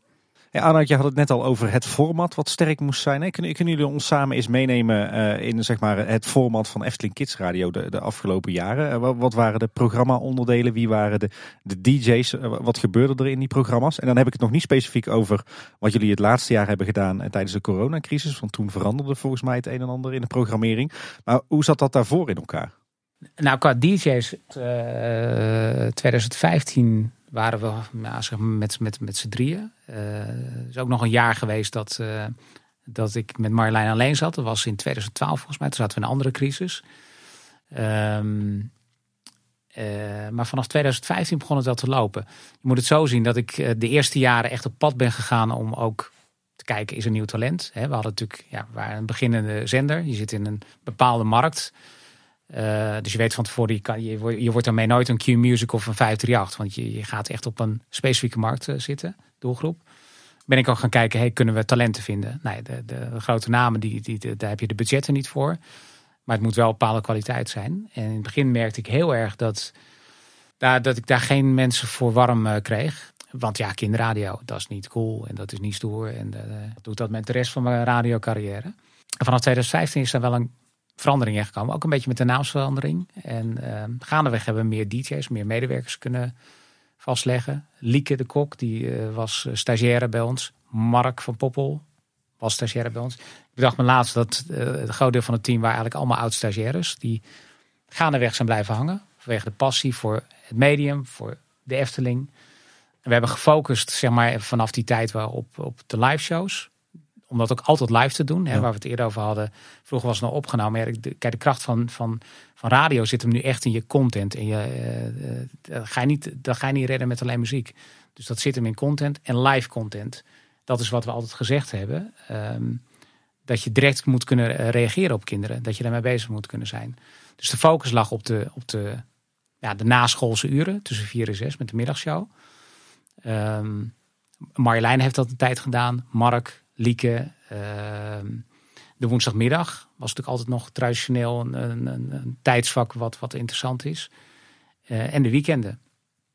Dus dat zijn een beetje de, de uh, qua programmering ja, waar we de focus op hebben gelegd. Er zijn ook items gaan ontwikkelen. Dus enerzijds hebben we veel tijd gestoken in het, uh, het muziekformat. Hè, dus met wat gaan we draaien. Lastig is ook als je, als je naar de muziek kijkt. Kijk, als je een hitstation programmeert kun je spiegelen aan een andere radiozender. En dan weet je van, nou, dit staat in de hitlijst. Dit gaan we draaien. Um, je naar Radio 10, vind ik altijd een goed voorbeeld. Hun belofte is, uh, wij draaien de grootste hits alle tijden. Nou, dat doen ze ook. Ze pakken de grootste hits alle tijden. Veel van de muziek die wij draaiden, staat niet in de gewoon hitlijst. Dus het is heel erg zoeken naar van... Uh, wij krijgen ook heel vaak opeens, weet je, dan krijgen we verzoekjes van bepaald liedje en denken waar komt dat uit? Dat komt uit een film. Of uh, ja, tegenwoordig, dat is op TikTok populair. Hm, ja, tuurlijk. Ja. Dus enerzijds is dat heel belangrijk en heel veel tijd steken in je content. Wat, wat is interessant? En uh, in, die, zeg maar, in die periode moet je ook altijd wikken en wegen dat je het uh, ook niet alleen maar over de Efteling hebt. Want dan heb je net die mensen die in Groningen wonen of in Friesland. maar ja, dan zetten ze het aan en dan is je content alleen maar Efteling. Dus dat is altijd een mix zoeken van natuurlijk het over de Efteling hebben. Of een prijsvraag doen die daarover gaat. Maar ook andere content uh, brengen. En dus je gewoon je heel erg verdiepen in die, in, die, in die doelgroep. Van wat houdt ze bezig en waar, wat vinden ze leuk. En dat is ook vaak een zoektocht geweest. Hè, omdat we, we, hadden, we hadden daar geen voorbeeld in. En, en hoe, hoe, hoe, stel je dan eigenlijk die playlist samen? Want je zegt al, het was heel moeilijk om te bekijken van, uh, van joh, wat is nou uh, hip onder, uh, onder de kids? Maar hoe deed je dat uiteindelijk? Waar, waar nou, trial and error. Dat is, dat, ja, dat is gewoon echt proberen. En dat, is niet, dat is niet iets wat je, wat je, wat je in een paar dagen onder controle hebt. Dat was echt proberen. En gewoon proberen overal je informatie uit te halen. kijken wat populair is. Testen. bij de Efteling hadden we ook altijd... Um, dat bestaat nog steeds, denk ik, het uh, Kids Panel. Een jaar lang gewoon liedjes voorgelegd bij kinderen. Van, uh, om, om daar ook informatie uit te halen van wat vind je leuk, wat vind je niet leuk. En wat kinderen leuk vinden, dat, is, dat verloopt totaal anders dan bij, uh, bij volwassenen. Ja. Ehm, de doorlooptijd van, van, bij, van sommige hits bij kinderen kan veel langer duren. in Radioland heb je het vaak over, hè, je hebt nu een hit. Nou, die is een aantal maanden is die een hit, die hoor je overal. En dan op een gegeven moment dan zwakt het wat af. En na een jaar gaan eh, stations weer draaien. Dan is het de zogenaamde recurrent. Dan komt hij weer terug. Ja, bij kinderen werkt dat heel anders. Die, die, de, daarbij merk je dat, uh, dat ze hits echt pas leuk vinden als ze het overal horen. Dus je moet ook niet te vroeg nieuwe plaatjes gaan, uh, gaan aanbieden. Dat hebben we in het Kidspanel wel eens kunnen testen. Dan hadden we een heel, hele toffe hit. Waarvan we dachten, nou, dit is te gek. Maar die was nog te nieuw. En dan zeggen die kinderen, nou, vind ik niet leuk. En drie weken later horen ze hem ook op Q-Music en op 538 en op alle andere zenders. En dan vinden ze mij wel te gek. Ja, ja, ja. Dus dat zijn, weet je, dat, dat zijn dingen die ga je leren. Maar bijvoorbeeld een, eh, nou ja, een, een Dance Monkey. Dat is Ideale nou- voorbeeld. van Tones and I. Dat, dat is een grote hit geweest. Maar op een gegeven moment was hij wel uitgewerkt in de volwassen wereld. Maar bij kinderen bleef hij maar gaan. Eh, en dat zien we dan in de aanvraagjes bijvoorbeeld. Die is bij ons thuis ook populair. Ja, Ja, en, en soms kun je duiden, soms kun je het ook niet duiden. Maar het zijn natuurlijk allerlei dingen waar je rekening mee houdt. En gaandeweg, ja, dan vormt zich een, een format. En het is natuurlijk ook leuk om de ouders een beetje tevreden te houden. Want als je de hele dag het gevoel hebt dat je naar kinderliedjes luistert. Dan zeg je op een gegeven moment ook als de kinderen naar school zijn, weet je wat, ik zet hem even over. Ja, klopt. Dat kan ik alleen maar bevestigen. Eh, Dat was gelukkig niet het, het geval bij jullie. Ehm, kregen jullie nou ook, eh, zeg maar, werden jullie ook benaderd door artiesten uit het genre die zeiden van, kan je mijn, eh, mijn plaatje gaan draaien? De gaandeweg wel. In het begin eh, eh, niet. De eerste paar jaar kende niemand ons. Maar goed, gaandeweg veranderde dat. Dan krijg je natuurlijk wel een bepaalde status. En gaan steeds meer artiesten zich, zich aanbieden. Omdat ze ook zagen van ja, er is natuurlijk een, een, een, een, hele groep serieuze artiesten. Kijk naar het Songfestival. Stefania, die treedt er op namens Griekenland. Was bij ons kind aan huis. We kennen haar nog als... ja, ze zat als klein meisje eigenlijk. Ze zat in Kisses van het Junior Songfestival. We hebben we ook altijd gevolgd. Die maken serieuze muziek. Eh, Boyband Force. Dat is geen... eh, ja, dat is echt tienermuziek. Maar dat is wel populair bij de kids. En... eh, heb je ook alweer een voorbeeld van, van hoe lastig het soms kan zijn. Die, die, als je die liedjes hoort qua sound, is dat gewoon muziek die je op een 538 kan, kan draaien. Maar zit wel in de kidshoek. En is eigenlijk gericht op, op tieners, is niet gericht op vierjarigen. Ehm, maar die, die kids van 4 tot 6, 7, die vinden dat wel heel interessant. Kijk naar het nieuwste liedje van K3. Dat is echt het ideale voorbeeld. K3 heeft altijd jarenlang een bepaald soort format gehad. En nu hebben ze het laatste liedje uitgebracht waarbij Klaasje nog meedoet. Ik weet niet of jullie hem gehoord hebben. Beter als je dan. Ja, ja Zo, zeker. hé, dat is even, dat is geen K3-format meer, zeg. Dat is heel iets anders. En ieder kind wil het horen. Ja. Maar ja, Miguel is weg bij K3, hè, dus eh Ja, daar zat dat zou in kunnen. Ja. waarschijnlijk. Maar dan heb je het over, eh, want dat is natuurlijk de reden dat, dat nou, ook een artiest als Stefania en Bibi en eh, meisje Jamila, nou, die heeft, die, daar hebben we goede contacten mee eh, gehad altijd. Maar dat is natuurlijk wel een categorie, die, hebben, die zijn al populair. Maar er is geen radiozender in Nederland die dat genre draait. Eh, terwijl het qua sound, als je de liedjes van Stefania hoort, Swipe, dat kan zo mee op een eh, volwassen radiozender. Dus in die zin merkten ze wel van ja, er is, er is nu wel een zender die dat, eh, waar wij ons materiaal eh, kwijt kunnen en die ons ook eh fors draaien. Ja. ja, volgens mij kregen jullie ook best wel vaak artiesten over de vloer, toch? In de studio. Was altijd heel gezellig. Ja, ja. En het, het, het- weet je, het, het voordeel eh, bij de artiesten die over de vloer kwamen, het hielp wel dat je in de Efteling zat. Want je zat al in de Efteling, dus je had ook nog een soort van lijntje van, ja, maar als je bij ons komt, dan kom je ook in Efteling. En dat, dat, dat eh, opende af en toe wel eh, veel deuren, dat het woord Efteling eraan vast eh, zat. Ondanks dat het af en toe ook precies het tegenovergestelde kon doen. Want we hebben ook wel eens momenten gehad dat je heel graag samen wilde werken. En dat het dan toch niet helemaal lekker viel. Efteling versus een ander merk. Dus dan Ah, koos je ervoor om het uiteindelijk niet te doen. En eh, daar hebben we nu gelukkig met de plannen die we nu hebben in 2021 eh, veel minder last van in dat opzicht. Roep eens wat namen. Wie, eh, wie waren er bij jullie kind aan huis? Eh, eh, Bibi is heel veel bij ons langsgekomen. De heren van Force inderdaad, toen zij gewonnen hebben met Junior Songfestival. Milan en Rosanne, de tweeling, is een, een heel groot voorbeeld. Die, hebben al, die draaien eigenlijk al heel lang mee in dat wereldje. Want die won in 2013 al het Junior Songfestival. Me and my selfie. Ja, ja Oh, die inderdaad. helemaal denk. Ja. Eh, op, op lange termijn, denk aan eh O'Gene, Lisa, Amy en Shelley. Toen zij het Junior Songfestival hadden, hadden gewonnen in 2007. Dus dat was eigenlijk nog voordat Efteling Kids Radio bestond. Eh, waren zij ook gigantisch populair. Hebben heel veel muziek gemaakt. Toen nog echt als kinderartiest. Zijn ook nog bij ons op de radiozender geweest. hebben ook met hun, zij hebben ook echt eh, eh, radioprogramma's bij ons gemaakt. Dat Ja. was ook al een manier om, om, om ja. zeg maar, aan klantenbinding te doen. Ja, toen zijn ze een tijdje out of the picture gegaan. Waarom? Ze wilden op een gegeven moment niet meer eh, met eh, dat genre geassocieerd worden. Waardoor ze ook ervoor gekozen hebben om, om zich om te toveren met de naam O'Gene en echt volwassen muziek te draaien. Maar, maar zelfs eh, dat soort mensen die kwamen toen ook al eh, bij ons over de vloer. En, en ook, ook de laatste jaren gingen jullie volgens mij best wel vaak eh, naar buiten tussen aanhalingstekens om, om leuke dingen te doen. Ik weet nog wat van de beeld en geluid, Villa Padoues, eh, Guus met de zachte G. Wat, eh, roep eens wat, wat, wat van die activiteiten waar je nog goede herinneringen aan hebt. Het leukste vond ik beeld en geluid. dat hebben we twee keer gedaan. De eerste keer was in de herfstvakantie 2019. Toen bestond radio, het vak aan zich, bestond 100 jaar. Dus wij stonden daar namens ja, de, de, nieuwe doelgroep die naar radio moest gaan luisteren, die konden wij bedienen. versus de, de andere radiostations die natuurlijk al jaren oud waren. en op die manier hebben wij kinderen kennis laten maken met het vak radio. Maar eigenlijk ook met Efteling. Want we stonden gewoon in beeld en geluid. Ik bedoel, laten we eerlijk wezen. is eigenlijk concurrent van Efteling. Tot op zekere hoogte. Wel, wel je het over dagbesteding. Ja. Ja, ja, het was inderdaad gewoon dagbesteding. Maar goed, ik bedoel, het is een museum natuurlijk versus pretpark. Maar uh, we hebben uh, door het middel radio uh, uitgebreid kunnen uitleggen hoe het werkt. Wij maakten op dezelfde manier radio als dat bijvoorbeeld een Q-Music of een 538 heet. Het enige verschil was, wij kwamen echt naar de kids toe. Dus wij stonden daar in die hal. De studio was er, zoals we daar ook uitzenden. Uh, ik gaf ochtends workshops, zes keer uh, in uh, een paar uur tijd. Dat heeft me veel stem gekost, maar het was wel heel leuk om te doen. En het was echt van, kijk maar, kijk, zo werkt het. En dit is een microfoon, een koptelefoon, wat heb je nodig? Um, wat zou je zelf willen horen? druk eens op knopjes, doe eens proberen. Waardoor je ze heel vroeg eigenlijk al uh, leerde kennismaken met het vak radio. Wat toevallig bij de Efteling zat. Maar dat was daardoor extra heel erg mooi. En eigenlijk ook heel grappig, want je zat midden in het land. Want, want beeld en geluid ligt natuurlijk in Hilversum.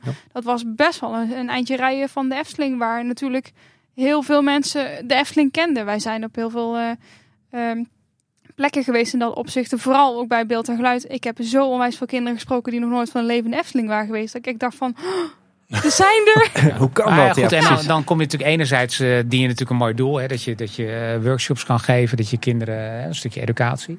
Ik kijk dan ook vanuit het strategische punt dat je, dat je ook echt um, um, een podium geeft, zeg maar. Het, het, merk Efteling een podium geeft om buiten, maar ook fors buiten je regio te, ja. te staan.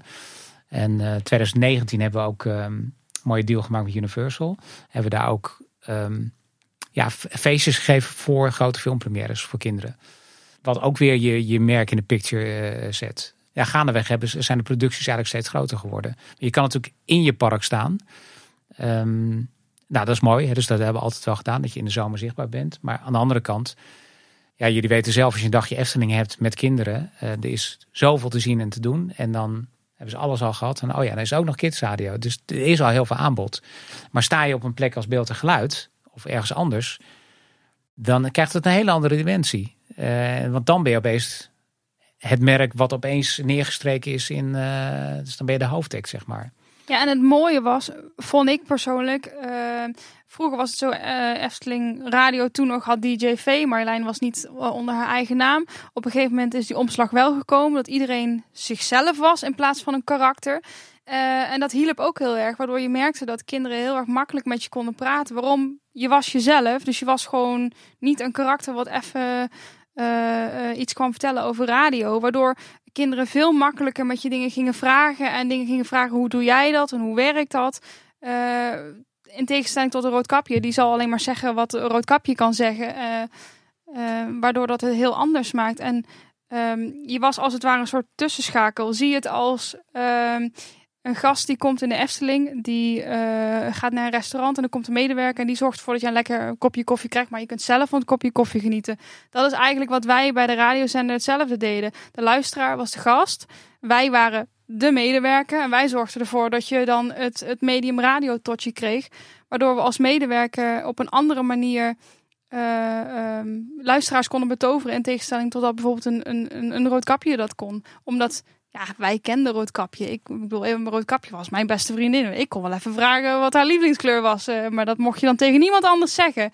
En dat, is, dat, is, dat, dat maakt het um, aan de ene kant persoonlijker, maar aan de andere kant ook veel echter. Omdat je juist buiten je park stond. Dus omdat je buiten je park stond, uh, ja, had ik af en toe het idee dat mensen me gewoon makkelijker en serieuzer namen. Omdat je als jezelf daar stond en niet per se als, uh, ja, als, als personage, om het zo maar even te zeggen. Ja, denk ik, dan was het ook makkelijker om echt een band op te bouwen ja. met je luisteraars. Ja, maar ook omdat, ik weet nog een heel mooi voorbeeld. Lieke, uh, die deed uh, de weekendshow. En die had op een gegeven moment een kindje aan de telefoon. En die zei, hey, ik heet ook Lieke. En al die kinderen waren, ja, want ik heet ook Lieke. Dat is zo'n naam wat op een gegeven moment uh, heel veel voorkwam. Kijk, maar mijn naam is precies tegenovergestelde. Ik ben nog steeds op zoek naar iemand anders in Nederland die ook Mayoni heet. Maar goed, dat is weer een ander verhaal. Maar daardoor hielp het heel erg. Kijk, er is niemand, als het goed is, in Nederland die Roodkapje heet. Maar wel die Mark heet. Tessa. Er waren zoveel kinderen die dat zo stoer vonden. Dat zij dezelfde naam hadden als de Efteling Kids Radio DJ. Ja, nou, die keuze, heel simpel ja, die keuze hebben we toen. We hebben natuurlijk eerder gewerkt hè, met DJV. Dat was in de beginjaren. Nou, dat had tweeledig. Het was praktisch niet heel handig. Want elke keer als we natuurlijk ergens naartoe moesten, dan, uh, dan uh, zei ik, ik wil, ik wil graag de presentator meenemen om een programma te maken. Maar ja, dan zit je ook nog met make-up en met alles erop en eraan. Dus dat, uh, plus de benaderbaarheid, inderdaad. Dat is natuurlijk belangrijk. En als je nou kijkt naar het afgelopen coronajaar. Dat was natuurlijk een magische band die je creëert. Want jij zat in, hè, Marjoni zat in de Efteling die helemaal leeg is en kent Roodkapje. Dat is natuurlijk een, een, een unieke schakel. Maar dat maakt het wel heel benaderbaar. En natuurlijk, uh, kijk, wij waren in, in dienst van de Efteling. Dus je, je, je handelt gewoon op de manier zoals als, als dat de Efteling uh, tot op zekere hoogte graag wil dat je handelt. Want dat kun je zelf ook wel bepalen wat werkt en wat niet voor kinderen. Maar mensen ervaren dat niet zo op die manier. En dat, dat, dat scheelt gewoon een hele hoop. Ja, dat is een mooi moment om even door, door te stappen naar ja, de coronaperiode. Een hele nare tijd voor velen. Maar ik denk ergens toch ook wel misschien de hoogtijdagen van, van Efteling Kids Radio. Corona brak uit. wat gebeurde er toen? En, en wat gebeurde er toen met Efteling Kids Radio? Nou ja, dat was maart. Wij stonden in februari stonden wij ja. in beeld en geluid. Dat was de tweede keer. Wij hadden daar in 2019 gestaan. Dat was wel een succes. Um, toen hebben we daar in de voorjaarsvakantie van 2020 gestaan, tweede helft februari. Ja, een carnavalsvakantie. En toen die tweede helft van, um, van de week, de tweede helft van die periode, eind februari volgens mij, toen, toen kwamen die berichten over dat eerste geval van corona in notabene de gemeente Loon op Zand. Waarbij wij nog grapten, nou gelukkig zitten we in Hilversum, dus misschien moeten we maar wat langer blijven. Uh, niet weten natuurlijk wat voor ellende daarna zou komen. En uh, ja, toen ging alles natuurlijk heel snel. Voor iedereen, ook voor ons. En toen, wat ik eerder al vertelde, hebben we heel snel gekeken wat, wat gaan we doen. Um, budgetten werden natuurlijk in, in, in uh, of bevroren. Nou was het voor ons deels niet zo erg, omdat uh, we hadden een, een flink stuk budget wat bedoeld was voor events, wat we zouden kunnen gaan doen. Nou, die gingen sowieso niet meer door. Um, en verder was natuurlijk gewoon de opdracht, logischerwijs, uh, maak gewoon niet meer kosten dan noodzakelijk. Dus wat konden we nog doen? Radio maken. Um, dus dat, dat, dat was eigenlijk de gedachte, dat gaan we doen. We hadden toen alleen de middagshow en de woensdagmiddagshow. En ja, toen bleek dat de scholen dicht uh, gingen. Toen hebben we eigenlijk razendsnel gedacht, ja, maar daar moeten we wat mee. Want de kids komen thuis te zitten. En ja, als je een zender hebt en je hebt mensen, je kan, je kan niet meer op pad. Wat kun je dan doen? Je kunt programma maken. Dus op vrijdag hebben wij bedacht dat wij op maandag een uitzending zouden gaan maken van uh, eh, 10 tot 12 was het destijds nog. Gewoon om uh, kinderen te gaan bedienen van goh, zij kwamen ook voor de eerste keer thuis te zitten. Hoe is dat? En, en wij helpen je er doorheen en het komt allemaal goed. Uiteindelijk is het langer geworden, want ja, op een gegeven moment ben je toch meer van stof. Steeds meer kinderen gingen meedoen met je uitzending, waardoor je op een gegeven moment gewoon tijd te weinig had. Dus toen zijn we heel snel al de uh, uitzending van 10 tot 1 gaan maken. En dat heeft er heel erg voor gezorgd. Ook dat de cijfers zo heel erg omhoog gingen. Want de cijfers gingen niet alleen omhoog vanwege het feit dat corona was en de kinderen kwamen thuis te zitten. Maar je merkte heel erg dat het op een gegeven moment uh, als een soort lopend vuurtje ging. Want wij hebben je, uh, uh, we hebben juffen en meesters uh, in het zonnetje gezet. Want ja, die kinderen wilden groetjes doen aan de klas. Want ze hadden ze al een maand niet gezien. De juf was jarig, hadden ze het hele jaar naar uitgekeken. Ging niet door, konden wij misschien niet regelen. opa's en oma's hebben we heel veel ook gesproken op de radio zelf. Omdat kinderen op een gegeven moment daar natuurlijk ook niet meer naartoe mochten.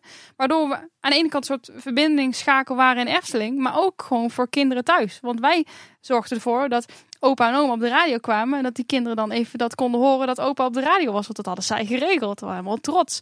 En um, ondanks dat we dat hebben gedaan zonder nul marketingbudget eigenlijk. Want dat werd toen ook bevroren. Uh, merk je heel erg goed dat het heel belangrijk is hoe je iets neerzet. Dat als dat mond-op-mond reclame soms ook genoeg is. Ik denk dat het ook wel interessant is, want eigenlijk alles bij de Efteling werd op pauze gezet. Zeker tijdens die lockdowns. Uh, want het park is natuurlijk dicht, dus daar komen geen mensen heen. Uh, de shows die, die stopten, dus de theatershows, ook dat, en ook de shows die door het land heen zouden gaan, die zijn allemaal op pauze gezet. Ja, je hebt ook een YouTube kanaal, wat ook, dat is visueel, dus daar is ook heel erg ervan afhankelijk dat het park open is. En er zijn natuurlijk wel een paar series die je kunt maken zonder dat je per se door het park hoeft te gaan. Maar bij jullie was er niet. Jullie konden gewoon doorgaan, radio maken. Wat je zelf al zei, het was niet 100% Efteling, er gebeurde nog veel meer daaromheen. Nou, corona is een groot thema, dus jullie konden gewoon doorgaan. Wat ook wel, ja, ik kijk even naar mijn buurman hier een van de weinige manieren waarop je Efteling Fix nog kan halen. Nou ja, goed. Maar kijk, daar biedt het medium radio natuurlijk ook zijn, zijn, meerwaarde. Dat je, dat je uh, bij de mensen thuis kan komen.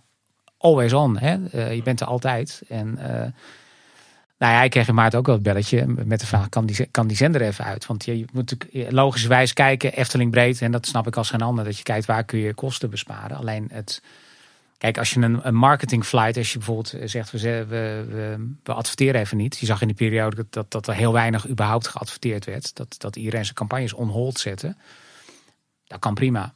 Uh, maar kijk, een radiozender eventjes drie maanden uitzetten, dat is dan ben je weg. Dat, dat, daarvoor heb je alles wat je hebt opgebouwd, um, raak je kwijt. Luisteraars die komen um, te voet en gaan te paard. Dus dat is natuurlijk heel zonde. Dus daarvan heb ik wel toe geargumenteerd van ja, laten we dat niet doen. Uh, laten we dan kijken waar we elders kosten kunnen besparen. Maar pak nu de, de, de kansen die je hebt met zo'n medium om uh, thuis te gaan. En voor ons veranderde ook heel veel, want mijn rol veranderde. Ik, de, de, de, alle alle um, uren die ik anders had besteed aan de events die we zagen doen, ja, dat viel ook weg. Dus hebben we gezegd, nou weet je wat, we gaan, we gaan radio maken. En ik denk dat dat ook wel uh, dat we daarmee ook wel hebben la laten zien. Dan, dan, het zit hem zeker in dat soort tijden, zit hem niet in, in spetterende vormgeving, maar in oprecht bezig zijn met je, met je luisteraar, met je klanten, met je, met je, uh, met je achterban. En uh, ik weet nog dat we toen begonnen waar we dachten eerst nou van 10 tot 12. Ik had nog zitten kijken van wat, wat gaan anderen doen. Hè? Je had Sep, die, die begon met in begin met live tv tussen 1 en 2. Ik denk, ja, wat is een goede tijd? was het allemaal een beetje gissen. Um, en toen stelde ik nog voor, weet je wat, we gaan een prijsvraag doen. En toen zei Meoni nog, nee, dat, dat gaan we niet doen.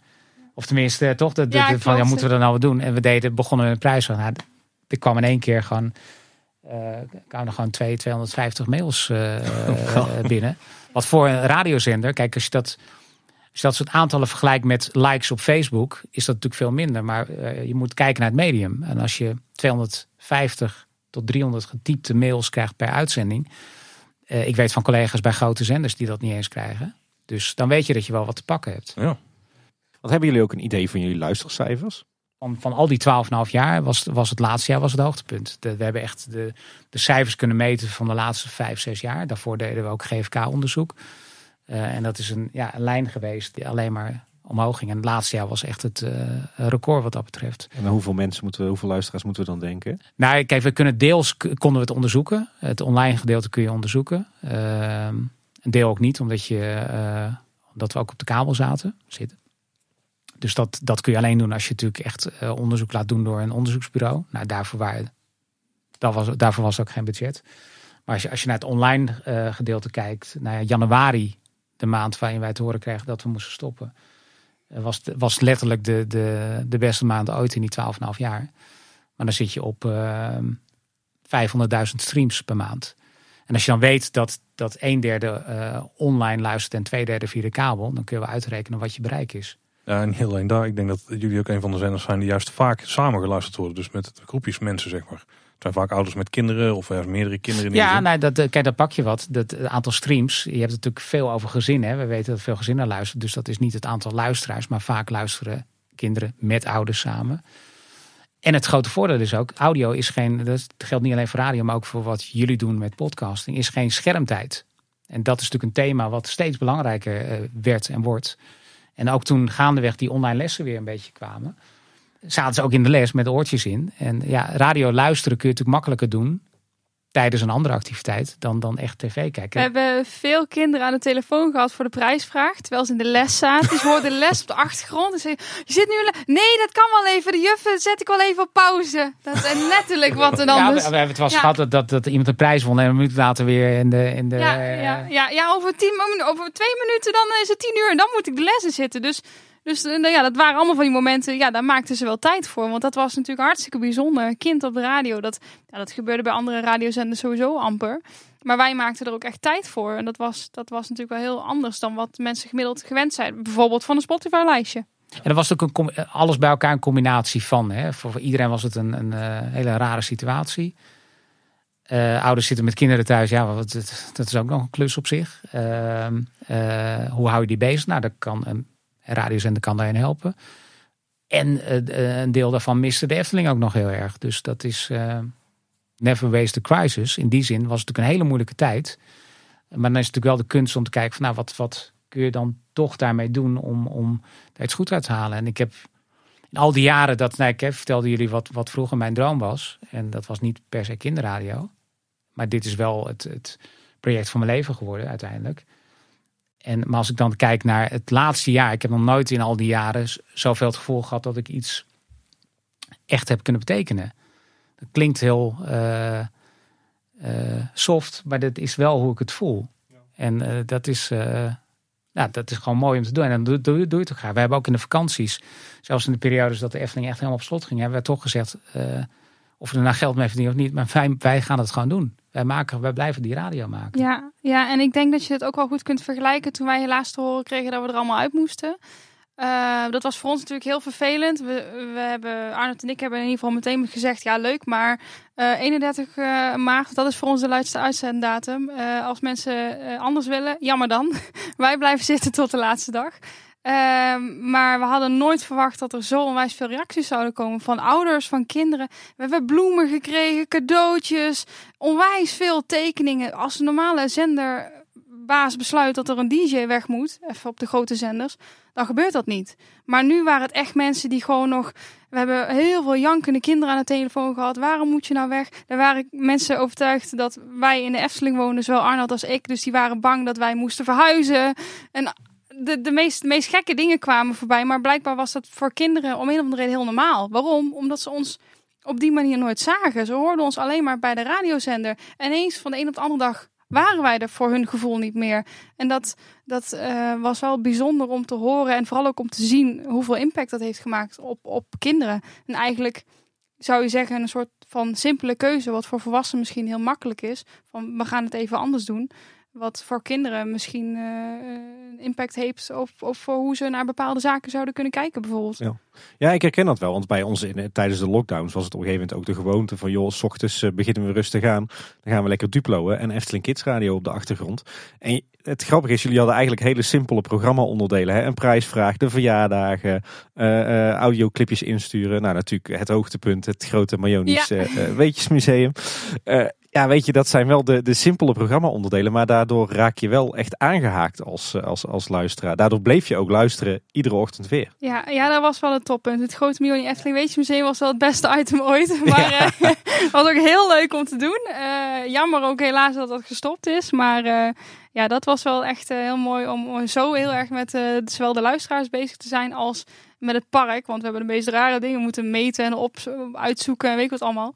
Maar ja, alles voor de luisteraar in dat opzicht. Want ik denk dat niet, eh, niet al onze luisteraars eh, ook Efteling Kids Radio luisteren. Maar zou je even dat programma-onderdeel willen uitleggen? Eh, het grote Mioni Efteling Weetjesmuseum is geboren ehm, eigenlijk toen nog in beeld en geluid. De laatste keer was dat in februari 2020. Want we wilden al langer eh, gewoon leuke Efteling weetjes vertellen. Van goh, hè, wist je dat, dit en zo zo. Maar ehm, ik was wat dat betreft van, van de hele groep meer Eftelings. En ik zei altijd, ja maar jongens, dat klopt niet.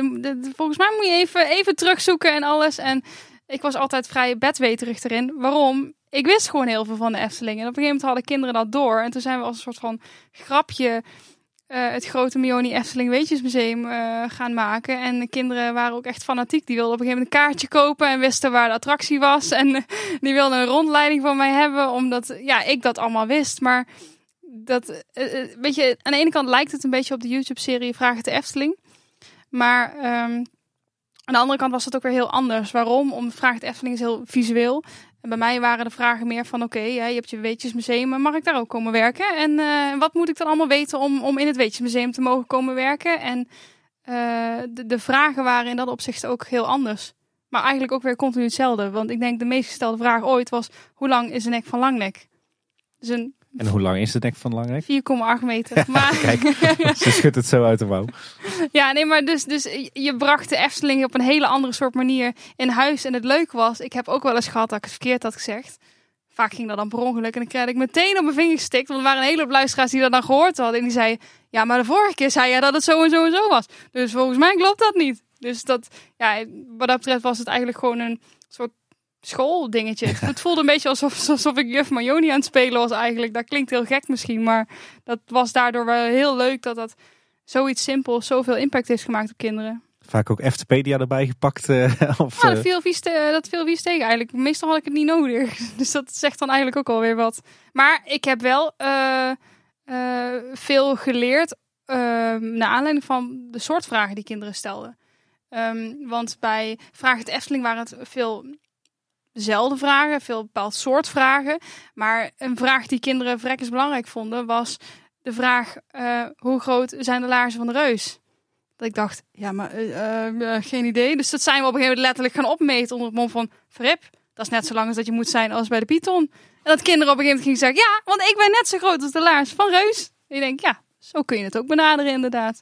Dus dat zijn hele andere soort ja, vragen dan dat misschien een volwassene zou willen weten van de Efteling. Nou, wat ik daar nog wel op wil aanvullen is, dat, dat hebben we natuurlijk ook wel geleerd. We waren uh, in de gelukkige omstandigheid dat we uh, konden werken. Deel van het team thuis en wij vaak op kantoor.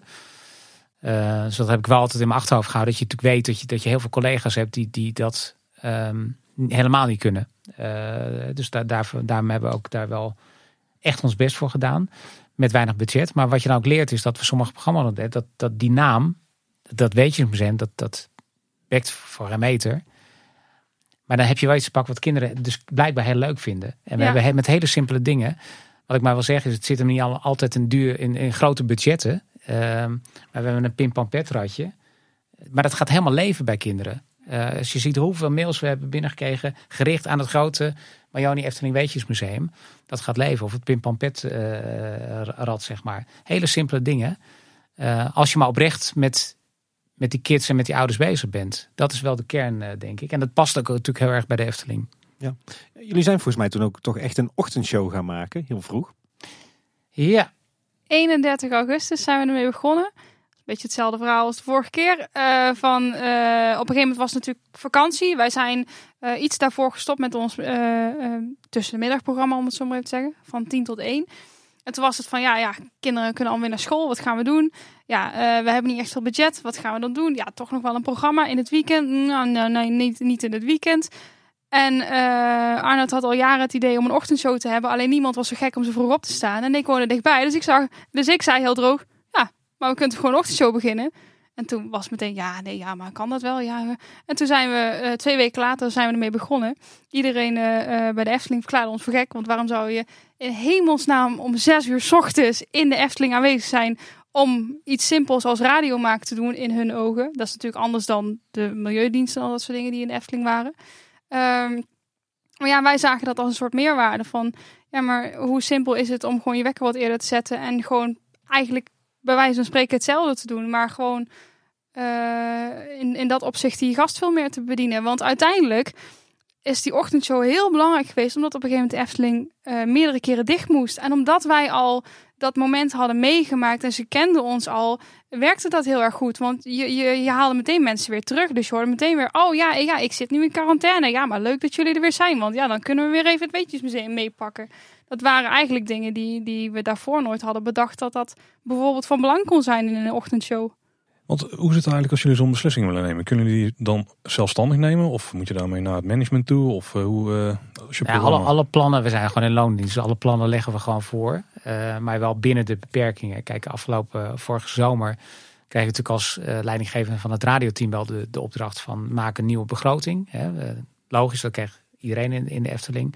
En wat heb je eigenlijk minimaal nodig om door te kunnen draaien? Hè? En dat, ehm, kijk, daar ben ik ook heel blij om, want de, de nou ja, ja we hadden, de Efteling had ook kunnen zeggen van nou, we zitten in een, in een heel zwaar jaar, dus we stoppen er helemaal mee. Of, uh, dus we konden doordraaien. Nou, mij de taak om te kijken van hoe doe hoe doe je dat zo minimaal mogelijk? En um, ja, wat heb je nog? Tijd.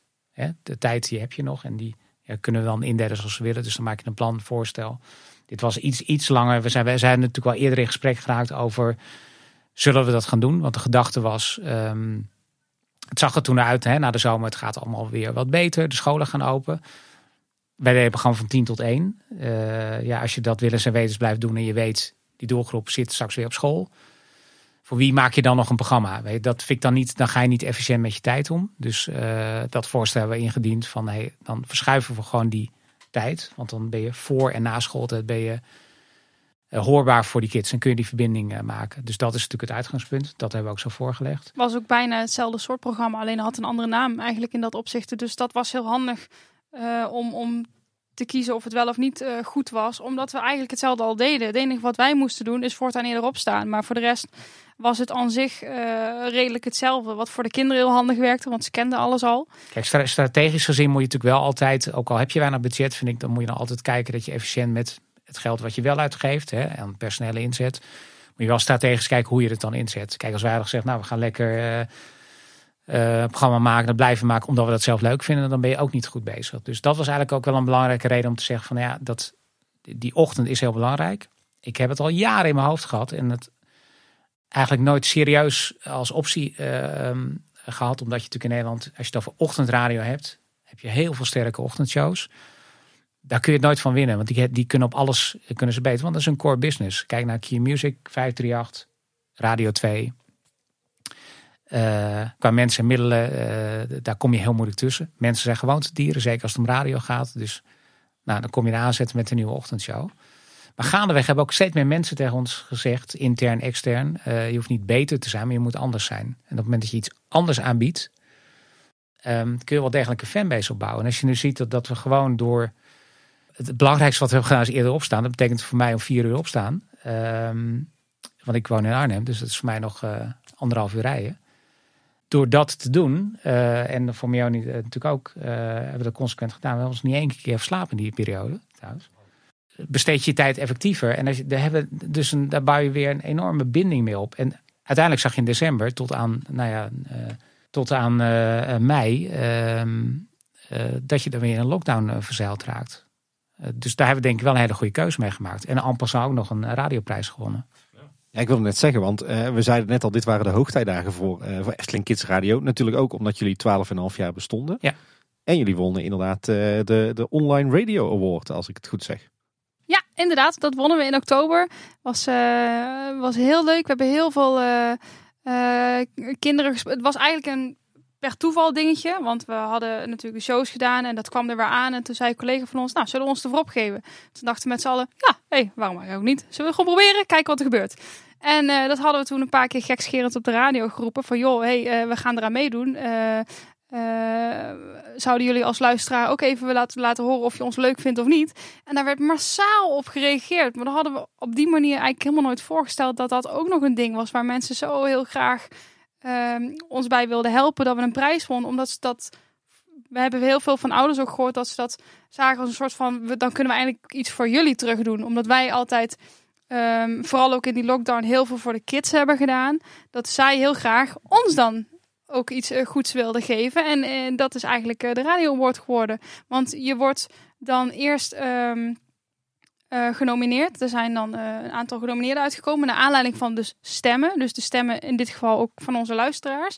En aan de hand daarvan dan pas kiest een vakjury wie het gaat worden. Dus het is ook niet zo dat alleen maar luisteraars het bepaald hebben. Want uiteindelijk heeft de vakjury gekozen waarom zij Efteling Kids Radio het beste vonden. Dat eh, moet een heel feestelijk moment voor jullie zijn geweest. Aan de ene kant was het heel erg feestelijk, maar aan de andere kant ook heel gek. Waarom? Het was toen in oktober en toen begon langzaamaan weer, eh, niet per definitie de lockdown, die was toen nog niet bezig. Maar toen begon ineens dat verhaal van dat je binnen mondkapjes op moest doen. Dat weet ik nog, dat moesten naar beeld en geluid. Ehm, eerst was het verhaal, oh leuk, wordt een evenement. En toen was het, nee, nu mogen nog maar 60 man binnen. En toen was het op een gegeven moment, nou nee, mm, 60 man is ook te veel. Uiteindelijk mochten er nog maar 30 man binnen. Arnold mocht naar binnen. Ehm, heeft uiteindelijk de prijs ook voor ons opgehaald. Ik zat achter in de coulissen om mee te kijken op mijn laptopscherm. Om dan toch nog een beetje eh, het mee te krijgen. Ehm, dus aan de ene kant was het natuurlijk heel feestelijk. We hebben het uitgebreid gevierd met onze luisteraars. Hartstikke leuk, heel veel complimenten gehad. Maar het daadwerkelijke feestmoment was vanwege corona. Was er eigenlijk niet. Dus was eigenlijk ook heel, heel gek. Op die manier. Maar wel een flesje wijn opengetrokken s'avonds, eh, kan ik me zo voorstellen. Nee, eigenlijk ook. Nee, we hebben ja, wel wat, ja, we hebben wel taart gehad. De dag daarna. Dat was natuurlijk eh chocoladetaart. Moest wel echt eh, er voorbij komen. Maar eh, niet, uitgebreid met z'n allen eigenlijk, want iedereen werkt nog thuis. Dus dat was eigenlijk Ja, heel gek. nou, kijk, qua team, daar hebben we natuurlijk heel lang naartoe gewerkt. En dan wil je dat graag met iedereen delen. Dus het begon inderdaad, want ik dacht eerst, nou, dan gaan we met z'n allen naartoe. Kunnen we een directeur meenemen. Nou, dat werd steeds minder. Dus steeds kreeg ik een belletje. Nee, nog maar vier, nog maar twee, nog maar één. Maar wat ook natuurlijk wel een beetje meespeelt, is natuurlijk het ongemak. Want het, het, het was nog steeds natuurlijk voor de Efteling een, steeds een, een heel moeilijk jaar. En, eh, en natuurlijk zijn we er blij mee. We hebben het, we hebben het ook gedaan voor onze organisatie. Eh, maar je weet tegelijkertijd dat, dat de sfeer natuurlijk in, in heel Nederland eh, nog niet eh, optimaal was. En wist nog niet wat er weer aan zat te komen. Dus, maar uiteindelijk wel heel blij met die prijs. En ja, zeker als je het juryrapport ook las, dat was wel een mooie waardering. Je zegt een aantal keer ons team. Zijn dat dan de DJ's van Efteling Kids Radio of zit daar nog een groter team achter? Wij zaten onder het team eh, marketing specialisten. Dus eigenlijk een groot team. Eh, als je het heel simpel uitlegt, zitten er allerlei specialisten in die ehm, verantwoordelijk zijn voor de verschillende kanalen. Dus YouTube, Facebook, Twitter, eh, TikTok, radio, ehm, de blog van de Efteling. Nou, nog een aantal andere specialisten. De website van de Efteling zelf natuurlijk. Ehm, en wij zijn dan ja, een apart radioteam. Dat zijn we eigenlijk altijd wel geweest. Voorheen zaten we bij de afdeling media en entertainment. Afdeling media. Afdeling media en brand development, sorry. Omdat je natuurlijk dagelijks met elkaar eh, ja, dat product maakt. Dat is natuurlijk anders dan als je op projectbasis ergens aan werkt. Dit is, dit is een, eigenlijk een langlopend project. Dus dan werk je inderdaad intensief met een team samen. En dat bestaat uit, eh, bestond uit vijf, zes mensen. Niet allemaal fulltimers, maar dat, ja, daar moet je het wel mee doen. Oké hoor, Mark, Tessa, Elvira, jij, ik, Marlijn. eh, Lieke. Lieke. Was het zeven, geloof ik. Ja, nou goed. En we hadden natuurlijk ook nog wel, ehm, eh, als we grotere events deden, zoals in beeld en geluid, hadden we ook nog freelancers die dan ook eh, extra ondersteuning eh, boden.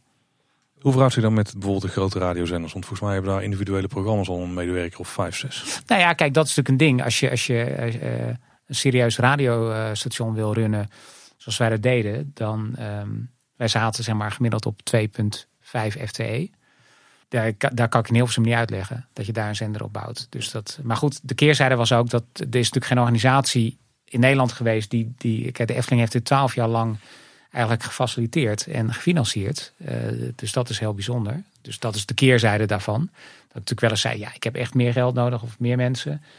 Eh, maar ja, we konden het wel doen. Hè? Dus dat, ehm, dat, dat is een beetje een balans. Maar ja, als je het vergelijkt met de grote zenders waar 80 mensen werken, Zo. dat is natuurlijk wel even een verschil. En dan heb je het eigenlijk als wij met z'n vijf of met z'n zessen waren, dat is normaal wat je bij een ochtendshow als team hebt. Gerard Ekdom heeft eh, zeg maar eh, zes, zes, zes mensen bij zich zitten die één show eh, verzorgen. En wij hebben zeg maar, het afgelopen jaar, is wel aardig om te vertellen, we deden natuurlijk en de shows, eh, maar mensen die winnen ook prijzen. Dus we deden ook zelf de, de verzending van de prijzen en een stukje promotie en een stukje Insta en een stukje Facebook. Dus dat is, dat is, daar moet je heel handig in werken. Het heeft er wel voor gezorgd dat we, dat we allemaal wel heel goed zijn geworden in, voor zover het kan, multitasken. Ehm, dat, is, dat is natuurlijk een beperking. Hè, wat ik net al zei, van eh, als, je, mm, ja, als je een eh, specialist ergens op hebt, dan, dan, nou, dan kun je, heb je meer slagkracht. Dus we hebben het van- alles doe je een beetje. Maar dat maakt het wel ontzettend leuk ook. Dus ik moet me voorstellen dat het- op het moment dat de, de liedjes liepen, dan waren jullie snel een prijsvraag aan het inpakken. Ja, zo ongeveer Nou, wel. Ja, ja. ja. letterlijk wel. eh, ja, ja. Ja, maar dat was ergens ook wel weer leuk. Want dan had je van begin tot einde. En eh, het was niet zo dat eh, een andere afdeling onze brieven eh, schreef die bij de prijs zaten. Nee, we hadden echt ansichtkaartjes waar we zelf op schreven. Van hey, superleuk dat je begonnen hebt. Veel plezier ermee. Groetjes DJ Arnold en Mioni. En vervolgens ging dat ding aan de koelkast of eh, eh, boven het bed. Want dat, dat mocht niet weggegooid worden. Want daar hadden wij onze naam opgeschreven. Ja, Ja, dus het is enerzijds is het een beperking. Ehm, anderzijds maakt het ook heel erg leuk en, en ben je nog meer verbonden. Want ik ken ook collega's die bij grote radiostations werken. En die krijgen dat stuk helemaal niet mee. Eh, dus die, ja, die, die werken ervoor. Maar wij hebben heel erg het gevoel gehad dat, dat, je, dat je helemaal in, ja, in het proces zit. En dat je die verbinding eh, maakt.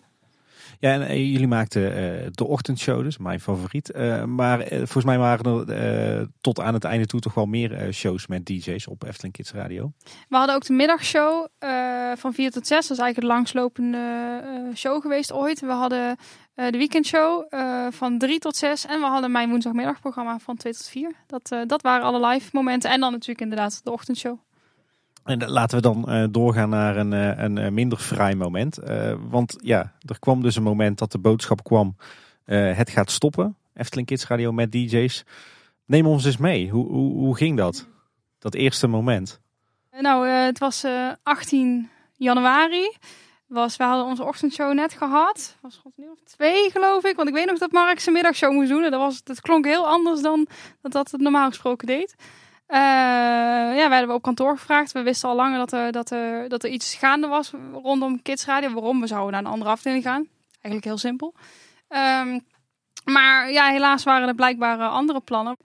Uh, wat we met z'n allen heel jammer vonden. Ik moet ook zeggen dat de Efteling het misschien een beetje anders had kunnen brengen. Maar goed, dat terzijde. Aangezien dat precies de week was dat wij 12,5 jaar bestonden. Maar goed, dat is niet anders. Ik bedoel, je, je bent in loondienst. Dus, dus uh, je, je, ja, de mensen kunnen anders beslissen voor je. Maar hoe dan ook, uh, werden we met z'n allen er wel heel erg strijdlustig van. En dat klinkt misschien heel gek, maar uh, wij kregen te horen dat we er allemaal uit lagen. En toen werd meteen gezegd van, joh, hey, als je even een inzinkmomentje wil hebben en even een paar dagen vrij wil zijn, dan mag dat. Waarvan wij meteen met z'n allen bijna in koor zeggen van... ja, maar dat kan niet. Want wij moeten die kinderen straks uitleggen... dat we hebben een radio... We kunnen niet zomaar, zomaar straks ineens niet aanwezig zijn s ochtends. Want als die kinderen dat nog niet weten, dat, dat gaat gewoon niet. Dus je doet... Um, aan de ene kant waren we heel erg bezig met het, het, proberen te verwerken. Want je bent natuurlijk toch nog bezig. Maar ook omdat je op zender moet zijn. En de kids wisten dat in het begin nog niet. Dus je moet dan eigenlijk dat gevoel heel erg uitzetten. En het, het zou me niks verbazen als je in sommige shows dat wel een beetje gehoord hebt, dat gevoel. Omdat dan ineens het inzinkmoment komt van wow, nog een maand, nog twee weken. Oh, het is, het is de laatste week. Oh, de laatste dag. Maar we hebben het altijd wel vol overgave voor de luisteraar gedaan. Waardoor we dus met z'n allen hebben besloten gewoon om tot het laatste moment te knallen. Omdat ja, we met z'n allen wel zoiets hadden van dit is het mooiste werk wat er is. Dus dat willen we graag heel mooi afsluiten. Vandaar dat we uh, ook ervoor gekozen hebben om het allemaal geleidelijk aan uh, te doen. En ook te, te luisteren naar alle medewerkers. Waardoor Arnold en ik bijvoorbeeld gekozen hebben om echt tot op het allerlaatste moment te zitten. Maar andere DJ's daar bijvoorbeeld voor gekozen hadden om dat liever niet te doen. Dat is dan een eigen keuze geweest. Maar, maar wat deed dat met jullie als mensen? Want ik bedoel, ik hoor jullie al, uh, al anderhalf uur enorm gepassioneerd uh, praten over Efteling Kids Radio. Hè? Het project voor mijn leven, kindje. Wat doet dat met je als je dan s'avonds naar huis rijdt? Nou, ik, uh, uh, we hadden vergadering. Uh, ik moest er ook eerder uit dan de rest moest uit de vergadering. Dus ik wist toen nog niet wat ging gebeuren. Ik wist toen alleen dat, dat ik eruit moest. Um, dus ik was een rondje gaan lopen door het park met een collega die hetzelfde had te horen gekregen. Wij waren nog heel erg strijdlustig van, ah, we gaan ervoor vechten en het komt goed. En we gaan het voor elkaar krijgen. We gaan een handtekeningactie, alles. Up, up, up, up. Maar toen wisten het andere gedeelte nog niet. Toen wisten wij alleen dat wij twee eruit lagen en niet de rest ook. Um, uh, dus, dus dat was eigenlijk heel gek. We hadden heel erg het idee van, goh, misschien hebben we het verkeerd begrepen. Of misschien uh, is het nog, wordt er nog wat veranderd, zeg maar. En toen uh, wij eenmaal terug waren in de studio en Arnold mij belde, toen was wel het verhaal van, oh, iedereen ligt er dus uit. Um, ja, dat deed wel heel erg wat met je. Waarom? Omdat wij waren altijd heel erg gepassioneerd en wij deden heel graag wat we deden. En bijna iedereen die bij ons bij de radio werkte, had zijn radio ook als hobby. Dus, dus, dus laten we zo zeggen, iedereen was continu ermee bezig. We zagen het totaal niet als werk. Het was het mooiste wat er was om te kunnen doen. Waardoor dat dan heel gek was dat het dan anders besloten werd. Maar ik denk dat uh, je ons team ook wel een beetje kunt vergelijken met... je hebt mensen die voor de Efteling werken en je hebt mensen die de Efteling zijn. Maar wij waren wel mensen die uh, wel, uh, als het moest, inderdaad eerder op gingen staan... of langer doorgingen of ja, dat doe je toch even in het weekend, want het is leuk. En dat doe je voor je luisteraar en voor je merk in dat opzicht. Ja, dat was daardoor jammer om te horen dat, dat, dat ja, andere mensen anders uh, kozen. Om dan tegen mensen te zeggen, je bent op je hoogtepunt gestopt, uh, voelt dan voor mensen heel erg alsof het je eigen keuze is. Wat het in ons geval absoluut niet was. Wat, wat kregen jullie voor uitleg? Wat, wat, is eigenlijk de reden dat de Efteling stopte met, uh, met Efteling Kids Radio met DJ's? De, uitleg is uh, een ander marketinginzicht. En uh, aanvulling op wat Marjoni net heeft verteld, dat kan ik me wel uh, bij aansluiten. Ik heb altijd het besef gehad, dat heb ik natuurlijk altijd die 12,5 jaar gehad, van we doen iets waarvan ik denk, daar ligt mijn passie. Maar ik heb het wel altijd proberen te vertalen naar hoe kan ik dat medium optimaal inzetten voor het merk. Want dat, dat moet je natuurlijk altijd wel doen. Je zit daar niet alleen om je, om, om, ja, omdat ik het zo leuk vind om radio te maken. Dus daar ben ik altijd uh, goed mee bezig geweest. Dus vanuit dat oogpunt denk ik van heb je juist in dat jaar heb je je meerwaarde zo dubbel en dwars laten zien. En ja, dan trek je de stekker eruit. Want uh, als we één ding hebben geleerd, het zit in je content, niet, niet in je muziekformat. Met je content maak je het verschil. Dus dat is natuurlijk heel jammer. Anderzijds heb ik natuurlijk het volledig besef dat wij gewoon in loondienst zijn. En dat een visie in de loop der jaren kan veranderen. Dus daar heb ik altijd wel rekening mee gehouden. Ja, het kan een, kan een moment komen dat een organisatie ervoor kiest om het niet of anders te doen. En dan moet je ook accepteren, vind ik. Dan moet je ook fair zijn. Maar dat neemt niet weg dat het natuurlijk wel pijnlijk is. Omdat je weet dat het niet op een moment komt dat het helemaal op een dood spoor zit. Maar je hebt net je beste maand ever. Dus dat is natuurlijk dat is moeilijk. En dat, uh, dat zijn gevoelens die, die, die strijden om voorrang. En uh, waarbij natuurlijk ook meespeelt dat, dat het merk Efteling voor ons allemaal natuurlijk een dusdanig iets is. Waar, waar je, daar blijf je van houden. Dus dat, dat, dat is natuurlijk heel erg wikken en wegen met je gevoelens en boos en, en uh, begrip. En, uh, dus al die fases hebben we denk ik wel doorgemaakt. Um, maar goed, ons is wel kenbaar gemaakt dat het, dat het geen, uh, geen kostenbesparende operatie was. Maar echt een, ja, een ander marketinginzicht. En uh, ja, dat kan. Dat, dat, daar moeten wij dan mee dienen. Maar omdat wij weten dat juist in, in wat we hebben gedaan en wat we kunnen. En in de, in de mate van reacties, dat is het aantal persoonlijke reacties, los dan van wat allemaal op Facebook is geplaatst, is overweldigend geweest nadat we dat horen kregen. En dat heeft ons eigenlijk wel gemotiveerd om, om door te gaan met wat we kunnen en waar we goed in zijn. Ja. Jan, hoe waren die laatste maanden op de zender, terwijl je weet dat het ophoudt op moment X? Nee, ik weet nog dat de, de, de Mayoni had al meteen de knop omgezet. Die zei, die zei, we gaan het hier niet meer over hebben, want we gaan gewoon radio maken. Ja. Wat we uiteindelijk ook hebben gedaan. want we hebben ook gezegd, als we dat doen, als je A zegt, moet je ook B zeggen. En dan kun je, je kan, wij kunnen niet op de radio gaan vertellen. Nou, wat er nou gisteren allemaal gebeurd is. Uh, dus we zijn ook tot het laatste moment zijn we, um, hebben gezegd, als we dit doen, dan staat het merk Efteling bovenaan. En dat, zo hebben we er ook altijd over gepraat. Sterker nog, dat doen we nog steeds. Terwijl we al ergens anders zitten. ja. uh, maar dat neemt niet weg dat, dat jij natuurlijk zei van, hè, Marjoni zei van, nou, dat hebben we niet. En natuurlijk, ja, daar heb je het over. En um, ja. je zit met een heel team. Iedereen heeft daar zijn eigen gevoelens bij. Voor iedereen is dat ook anders. Ja. Iedereen zit in een andere fase van zijn uh, carrière. En natuurlijk hebben we ook het besef gehad dat het afgelopen jaar hebben natuurlijk, er zijn wel meer mensen die dit overkomen is. Ja, als je het gewoon heel feitelijk bekijkt en je raakt je baan kwijt. Ja, dat is, daar zijn we niet de eerste in. Dus, uh...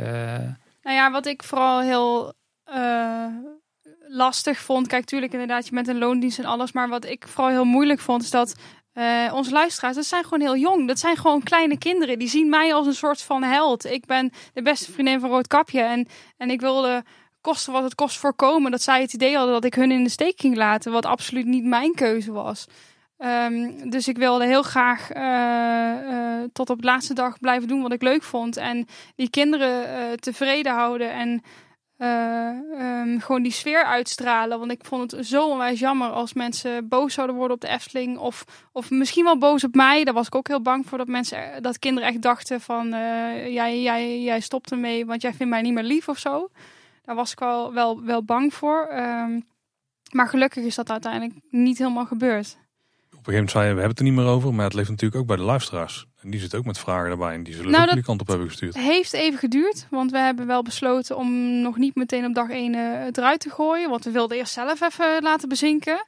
Uh, maar toen per toeval is het uh, uh, opgepakt door media. Ja, nou ja, dan gaat als een lopen vuurtje. Zo werkt dat. Volgens mij was het loopings weer waar het uitlekte.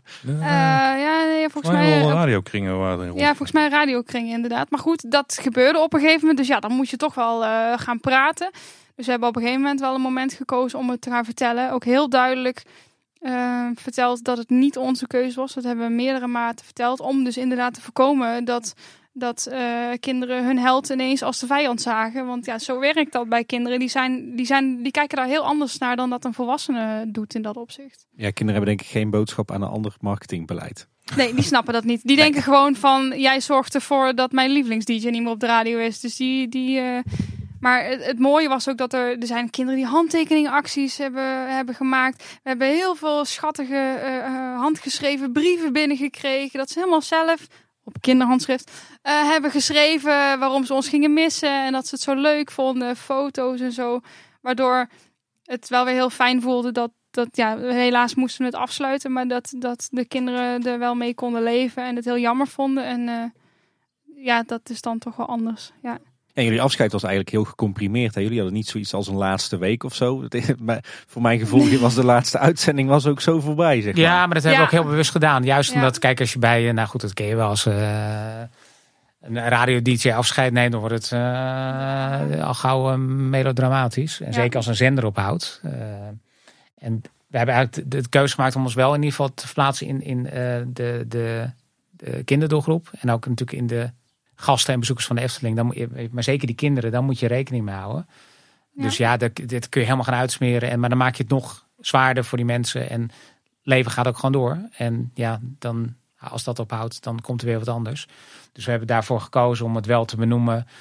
Uh, en, om inderdaad nog een laatste uitzending te maken. En uh, we hadden wel besloten, we gaan geen moeilijke platen draaien. We houden het gewoon luchtig en vrolijk. En eigenlijk, we hebben de telefoonlijn opengegooid. En dat, dat maakte het meteen heel leuk. En, en ja. de kinderen konden nog een keer bellen. En ja, je kan dat nog twee uur langer laten voortduren. Maar dat, dat, uh, de beslissing is gemaakt uiteindelijk. Dus dan moet je ergens een punt zetten. Nou, wat ik wel leuk vond, dat, is, dat klinkt misschien heel raar. Maar op een gegeven moment hadden kinderen wel het besef van oké, jullie moeten stoppen. Toen kwamen de kinderen met de meest leuke oplossingen. Van ja, ja want uh, nou, uh, wij hebben dus ook een lokale omroep. Kunnen jullie anders niet daar radio gaan maken? En op een gegeven moment zeiden van oké, okay, nou ja, wij kunnen wel radio maken. Maar de kinderen wilden dat we brandweer gingen worden. En dat we kinderfeestjes gingen doen. En dat ze DJ-workshops. Dus op een gegeven moment, omdat je het tot op zekere hoogte vrij vroeg hadden verteld. In januari zijn we het op een gegeven moment wel vertellen. Waarom? Omdat in februari ook de middagshow en alles stopt en de weekendshow.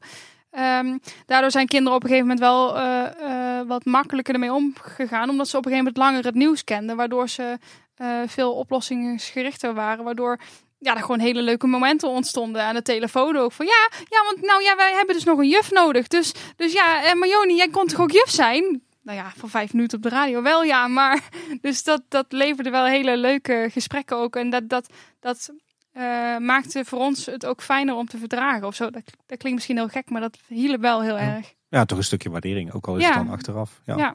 Ja. want een aantal van jullie collega-dj's die stroomden echt uit naar, naar andere radiostations, uh, geloof ik. Uh, maar jullie hebben een hele, zijn een hele andere kant op gegaan, hè? Ja, nou ja, wij uh, wisten wat natuurlijk wel de magie was van kinderradio. We hebben zelf daar heel veel ervaring. We wisten ook, de Efteling laat hier wel een gat vallen. Ondanks dat zij er zelf voor kiezen om een andere uh, marketingstrategie uh, te nemen. Um, hadden wij wel bedacht van, dit moet je niet laten vallen. Dit is goud. of we nou een ander bedrijf het gaat doen of we gaan het zelf doen. Maar je hebt echt goud in handen. En bij de Efteling konden we natuurlijk bepaalde dingen wel niet doen. En nu kunnen we er zelf voor zorgen dat we, dat we het helemaal kunnen inkleden zoals we zelf willen. Dus je hebt geen restricties meer van, van bepaalde bedrijven die willen dat je bepaalde dingen doet. Waardoor we nu eigenlijk nog meer naar kinderen kunnen luisteren. We draaien meer Disney muziek dan ooit. En Studio 100 en alles. Dat, dat, is, dat komt bij de Efteling in verhouding niet. Um, maar we kunnen nu ook makkelijker zeggen van goh, hè, uh, als je thuis zit te luisteren, heb je een idee hoe we dit en dit kunnen doen, dan, dan help ons mee. En we willen ook uitgebreid de luisteraars in verhouding uh, meer zendtijd bieden dan dat we bij de Efteling uh, hadden kunnen doen. Ja, ja want je, je stapt er heel makkelijk overheen. Maar je hebt het natuurlijk over jullie nieuwe station. Uh, ja, Hallo Kids Radio. ja. Ik snap het heel goed, want je zit daar natuurlijk nu middenin. Ja. want jullie zijn een, een nieuw online radiostation gestart, speciaal voor kinderen. Maar hoe kwamen jullie op het idee? Wanneer, wanneer viel dat kwartje, dit gaan we doen en dit gaan we samen doen? Een week later, toen wij het horen kregen dat we bij de Efteling weg moesten, zaten we, maar dat was eigenlijk meer voor de grap. Want toen zat je natuurlijk in een bepaalde stand van je was boos, verdrietig. Hè? Dus toen was wel gekscherend al het verhaal van, zullen we het niet gewoon zelf gaan doen? Het was meteen, ah nee, dat, kost geld en tijd. Nee, dat gaan we allemaal niet doen. Waarom zouden we, in Arnhem zou het geval zijn, dan gaat hij het weer opnieuw doen. Aangezien bij de Efteling ook al het was begonnen. Um, en gaandeweg zijn we langzaam gaan nadenken. Ja, maar misschien is het wel inderdaad een goed idee. Wie weet.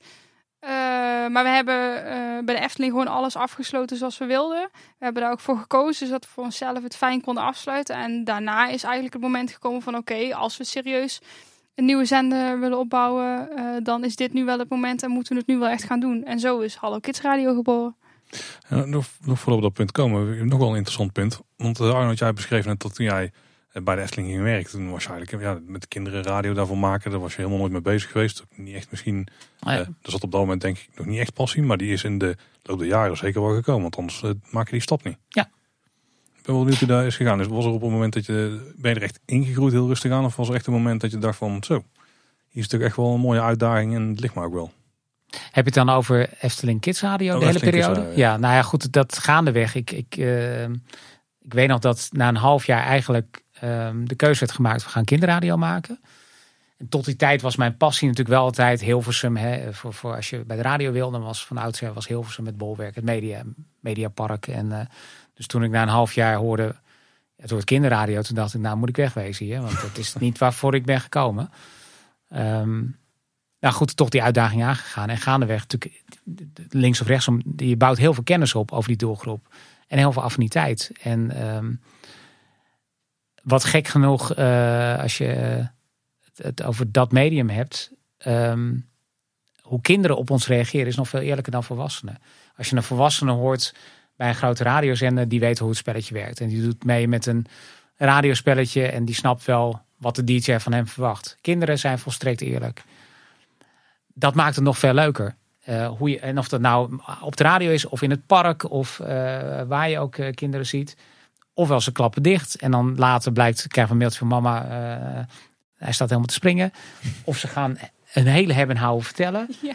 Eh, maar kinderen conformeren zich nog niet aan, eh, tot een bepaalde leeftijd dan, aan, aan, aan de gedragsregels, die zijn nog vrij uit. Dat maakt het eigenlijk nog, soms nog veel leuker dan, dan volwassen radio. Plus het feit, wat ik ook vertelde over hoe je het programmeert. En ehm, als je alle facetten daarbij kijkt, is het soms lastiger nog programmeren dan een volwassen hitzender. Zeg maar, dat je minder handvatten hebt. Dus dat allemaal bij elkaar maakt dat gewoon heel interessant. Doorlopende uitdaging dus eigenlijk. Ja. Ja. Dus als ik ze hoor, dan is het inderdaad wel logisch dat jullie eh, zijn doorgegaan op eh, nou, vergelijkbare voeten wel enigszins. De A, omdat we eh, kansen zien. Je moet natuurlijk niet ergens aan beginnen als je geen kansen ziet. Ja, wij hebben natuurlijk al meer dan een jaar hebben we echt intensief samengewerkt. En shows gemaakt. En, en ja, we hadden allebei het gevoel van dit, die uitdaging, die durven wij wel aan. Omdat het, eh, ja, het, het voelt niet als een moment van, het, het, het was nog niet klaar. Nee, ik kan me zeker voorstellen. Dus de stijgende lijn in de, in de luistercijfers. Nou, jullie zijn inderdaad bekende namen geworden bij de kinderen. Flinke schare fanatieke luisteraars opgebouwd. Ja, en dan is een vervol- vervolg wel heel logisch, denk ik. Ja, we hebben heel veel berichtjes gekregen van kinderen dat ze het zo leuk vonden. Dat ze, dat ze echt hebben, op ons hebben gewacht. Ook heel veel kinderen die besloten hebben om dan dus ook niet meer naar de andere zender te luisteren. Maar dat vertellen ze dan op, op zijn kind. Weet je wel, van, nou ja, dan weten jullie waarschijnlijk wel wat ik bedoel. Ehm, eh, maar ook heel veel ouders die het heel, heel stoer vonden, ook van ons om te beginnen. Ook in, in Radioland zelf. Ja. Want dat, dat is natuurlijk een kinderradiozender eh, hebben is één ding. Maar een eentje vervolgens erop zetten omdat je bij de andere eruit gegooid bent. Dat is natuurlijk wel even iets anders. Eh, maar we hebben tot nu toe heel veel goede reacties gehoord. Ook wel een beetje wantrouwen. Ga je dat nou wel doen? Weet je dat wel zeker? Maar eh, hoe dan ook ehm, helpt dat wel. Want wij weten gewoon wat we leuk vinden. Arnold is wat dat betreft de, de, ja, de ouderwetse radio maken. Ik kijk daar wat anders tegenaan. Maar ik denk dat dat wel een goede combinatie is. Omdat ik heel veel affiniteiten met die kids... ehm, ik het wat dat betreft iets minder zie als het ouderwetse radio maken. Wat natuurlijk ook heel erg helpt, omdat kinderen veel minder het ouderwetse radio maken zijn gewend dan, dan dat ouders bijvoorbeeld dat zijn. Dus dat is een mooie combinatie. En als we op die manier weer door kunnen gaan, ja, waar de Efteling het eigenlijk heeft laten liggen, als het ware, eh, zou dat heel mooi zijn. En dan zeg ik niet dat wat Efteling nu doet niet goed is of zo hoor, maar het is gewoon anders. Het is anders dan wat wij. eh, dat is ook dat is inderdaad hadden. iets anders. Kijk, en praktisch gezien, ja, de, de, de keuze voor mij was op een gegeven moment ook, ja, ik moet ook wel op zoek naar werk. Ga ik solliciteren? Nou, en we hebben allebei gezegd, dit is wat we, A, wat we heel erg leuk vinden. eh, waar we kansen zien. En als je dan verder kijkt, is het meer, hè, we hebben meer plannen dan alleen een radiozender. Eh, we willen dat breder trekken, ook op het vlak van eh, met Hallo Kids als merk. Als, eh, om, om dat in de markt zetten als live entertainment. Hè? En dan gaan we vast een beetje voorsorteren op, op de maatschappij die weer een beetje open gaat. Wat wij eerder al hebben gedaan met live entertainment. Kijk, waar, waar Efteling Kids Radio succesvol mee was, was dat kinderen, maar vooral ook ouders, die willen een betrouwbare omgeving, een veilige omgeving. Dat hebben we nooit op de website gezet, maar dat voelen mensen wel aan. Dus wij selecteren altijd op liedjes wat kan wel, wat kan niet. Waar heb je het over, waar heb je het over, waar heb je het niet over. In coronajaar was ook een, eh, hebben we nog helemaal niet benoemd, dat je dat ook van ouders terugkreeg. Van dat we het juist daar niet over hadden. Want zeker vorig jaar, het, het maakte niet uit of je nou tv, radio, internet, het was alleen maar, het, was, het waren alleen maar zwarte wolken. Het ging alleen maar over die corona. Uh, dus we weten wat we daar willen. Maar dat betrouwbare en uh, zeg maar die betrouwbare omgeving, die vraag is er ook op kids entertainment gebied. En die plek willen we ook gaan invullen. En dus dan wordt het breder dan alleen Hallo Kids, Hallo Kids Radio, maar ook entertainment en misschien wel podcasting in de toekomst, workshops. Uh, dus daar, daar gaan we ons nu echt op, op richten. Ja. ja. En als we dan even kijken naar, naar Hallo Kids Radio, nu zeg maar jullie, jullie belangrijkste product. Uh, introduceer dat eens voor onze luisteraars die er nog niet naar geluisterd uh, hebben. Wat, wat kan ik daar verwachten? Wanneer zijn jullie op de radio? Waar vind ik het? Wat, wat, wat doen jullie? Wat zijn de programma-onderdelen? Uh, Hallo Kids Radio bestaat sinds 1 mei. Dus dat is nog relatief vrij jong. Uh, Arnold en ik presenteren daar de ochtendshow van 6 tot 9. We hebben inmiddels ook uh, DJ Elvira, die zit bij ons in het weekend van 3 tot 6. Maar de, de shows is eigenlijk een, deel van natuurlijk ook gewoon het moment dat je gewoon algemeen muziek kunt luisteren zonder DJ's er tussendoor. En Hallo Kids Radio is een online radiozender, heel belangrijk, online, dus kun je niet nog via de kabel verkrijgen. Uh, voor gezinnen, gezinnen specifiek met, uh, met kinderen van, van, van 4 tot 10. Waarom? We willen de hele, uh, het hele gezin uh, benaderen, omdat papa liedjes leuk vindt die misschien een van de kids ook leuk vindt. Want ja, Queen wordt bij ons nu nog steeds aangevraagd. Dat zou je misschien aan de ene kant heel gek vinden, maar aan de andere kant is dat heel normaal, omdat ze dat bij hun thuis ook al meekrijgen. Dus vandaar dat we het hele gezin willen meepakken. En Um, omdat we dat online doen, helpt dat. Omdat tegenwoordig kinderen steeds meer op mobiele telefoon, tablet, alles. Maar het voordeel is, omdat radio een medium is wat je alleen maar hoeft te luisteren, je hoeft er niet naar te kijken, kunnen ze gewoon andere dingen tegelijkertijd doen. Dus ze kunnen gewoon blijven kleuren of, of blijven buiten spelen, gewoon met ons op de achtergrond. Maar in ieder geval zeker ervan zijn dat wij geen rare woorden zeggen, dat er in de liedjes ook geen rare woorden voorbij komen. Maar ook um, dat we het niet over dingen hebben die niet helemaal geschikt zijn. Um, zoals jullie misschien weten is in, uh, wanneer was dat, november geloof ik, uh, Bram van de Vlucht overleden. Dat was toen overal op de radio. Is niet heel handig als een kind luistert. Ja, ja. Dus uh, dat soort dingen, dat, daar voorkomen wij ook gewoon dat, dat dat soort dingen gewoon niet voorbij komen. Waardoor het gewoon voor ouders heel fijn is om het aan te zetten. Dat ze gewoon zeker weten dat als dat aangaat, dat het dan allemaal goed is. Als ik nu luister, dan, is dan, dan ga ik vanuit de site. Dan klik ik op luister nu. En dan plug ik het in mijn auto. En dan kan, kunnen de kinderen mooi meeluisteren. Bijvoorbeeld in Apple Music of zo kan ik jullie nog niet vinden. Is er iets is nee. technisch ding? Kijk, we zijn natuurlijk uh, de, de, normaal gesproken als je een radiozender opstart, dan moet je er iets meer tijd voor nemen. Uh, we hebben ook de keuze gemaakt om dit nu te doen, omdat als je, uh, wij zitten nu in die flow om, om dat te gaan doen. En ja, de, ook de keuze van gaan we nu solliciteren of gaan we voor onszelf beginnen. Wacht je daar te lang mee, dan kan het ook zijn dat, dat je te veel obstakels gaat zien en het daardoor misschien niet meer gaat doen. Dus dat was puur voor ons, helemaal los van de Efteling, maar gewoon voor onszelf van dit gaan we gewoon nu zo doen. Dat betekent natuurlijk niet dat je het binnen een maand uh, helemaal hebt staan. Uh, dat dit nu binnen een maand hebben gedaan is al een uh, stukje wat dat betreft. Uh, website hebben opgebouwd, nou, die gaan we verder ontwikkelen. Uh, we zitten nu op, uh, sinds vorige week op duke.nl. Kun je ook makkelijk via de Sonos streamen.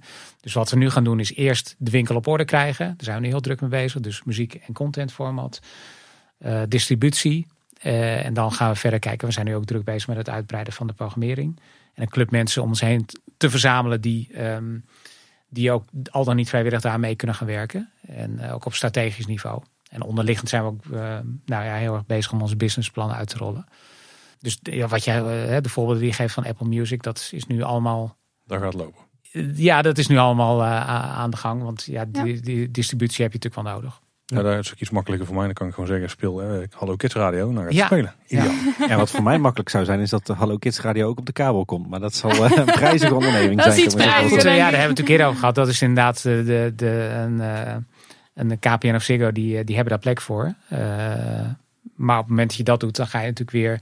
Ja, dan ga je natuurlijk wel je, je Buma-kosten maken. En de KPN zegt, prima, we kunnen je doorzetten. Maar, maar op voorwaarde dat je die Buma betaalt. En dan zit je aan torenhoge kosten. Kijk, vorig jaar heb ik ook al gezegd, en dat is, ook, dat is natuurlijk wel de trend. Hè? De, de, als je het over kids doelgroep hebt, die zitten, hier, die zitten hier op mobiel straks. Dat wordt nog belangrijker dan, dan je website. Uh, dus waarom zou je überhaupt nog op een, op een analoge of een digitale kabel willen ja. zitten? Ja, ik loop 20 jaar achter altijd hoor, wat dat betreft. Dus uh, ja, nou, nee. kan niet luisteren. Dat kan ik beamen. Ja. Nou ja, maar kijk, vorig jaar wonnen wij ook met Efteling Kids Radio die prijs voor beste online uh, radiozender. Nou ja, goed, daar her en der hoorde ik natuurlijk wel van ja, uh, klopt dat helemaal? Want hier zit natuurlijk ook nog op de kabel. Ehm, en toen heb ik al gezegd, als je echt serieus kosten wil besparen, laten we dan ook echt een online zend worden. Want Ja. daar zit je toekomst. En dan kun je zo'n klap geld eh, besparen.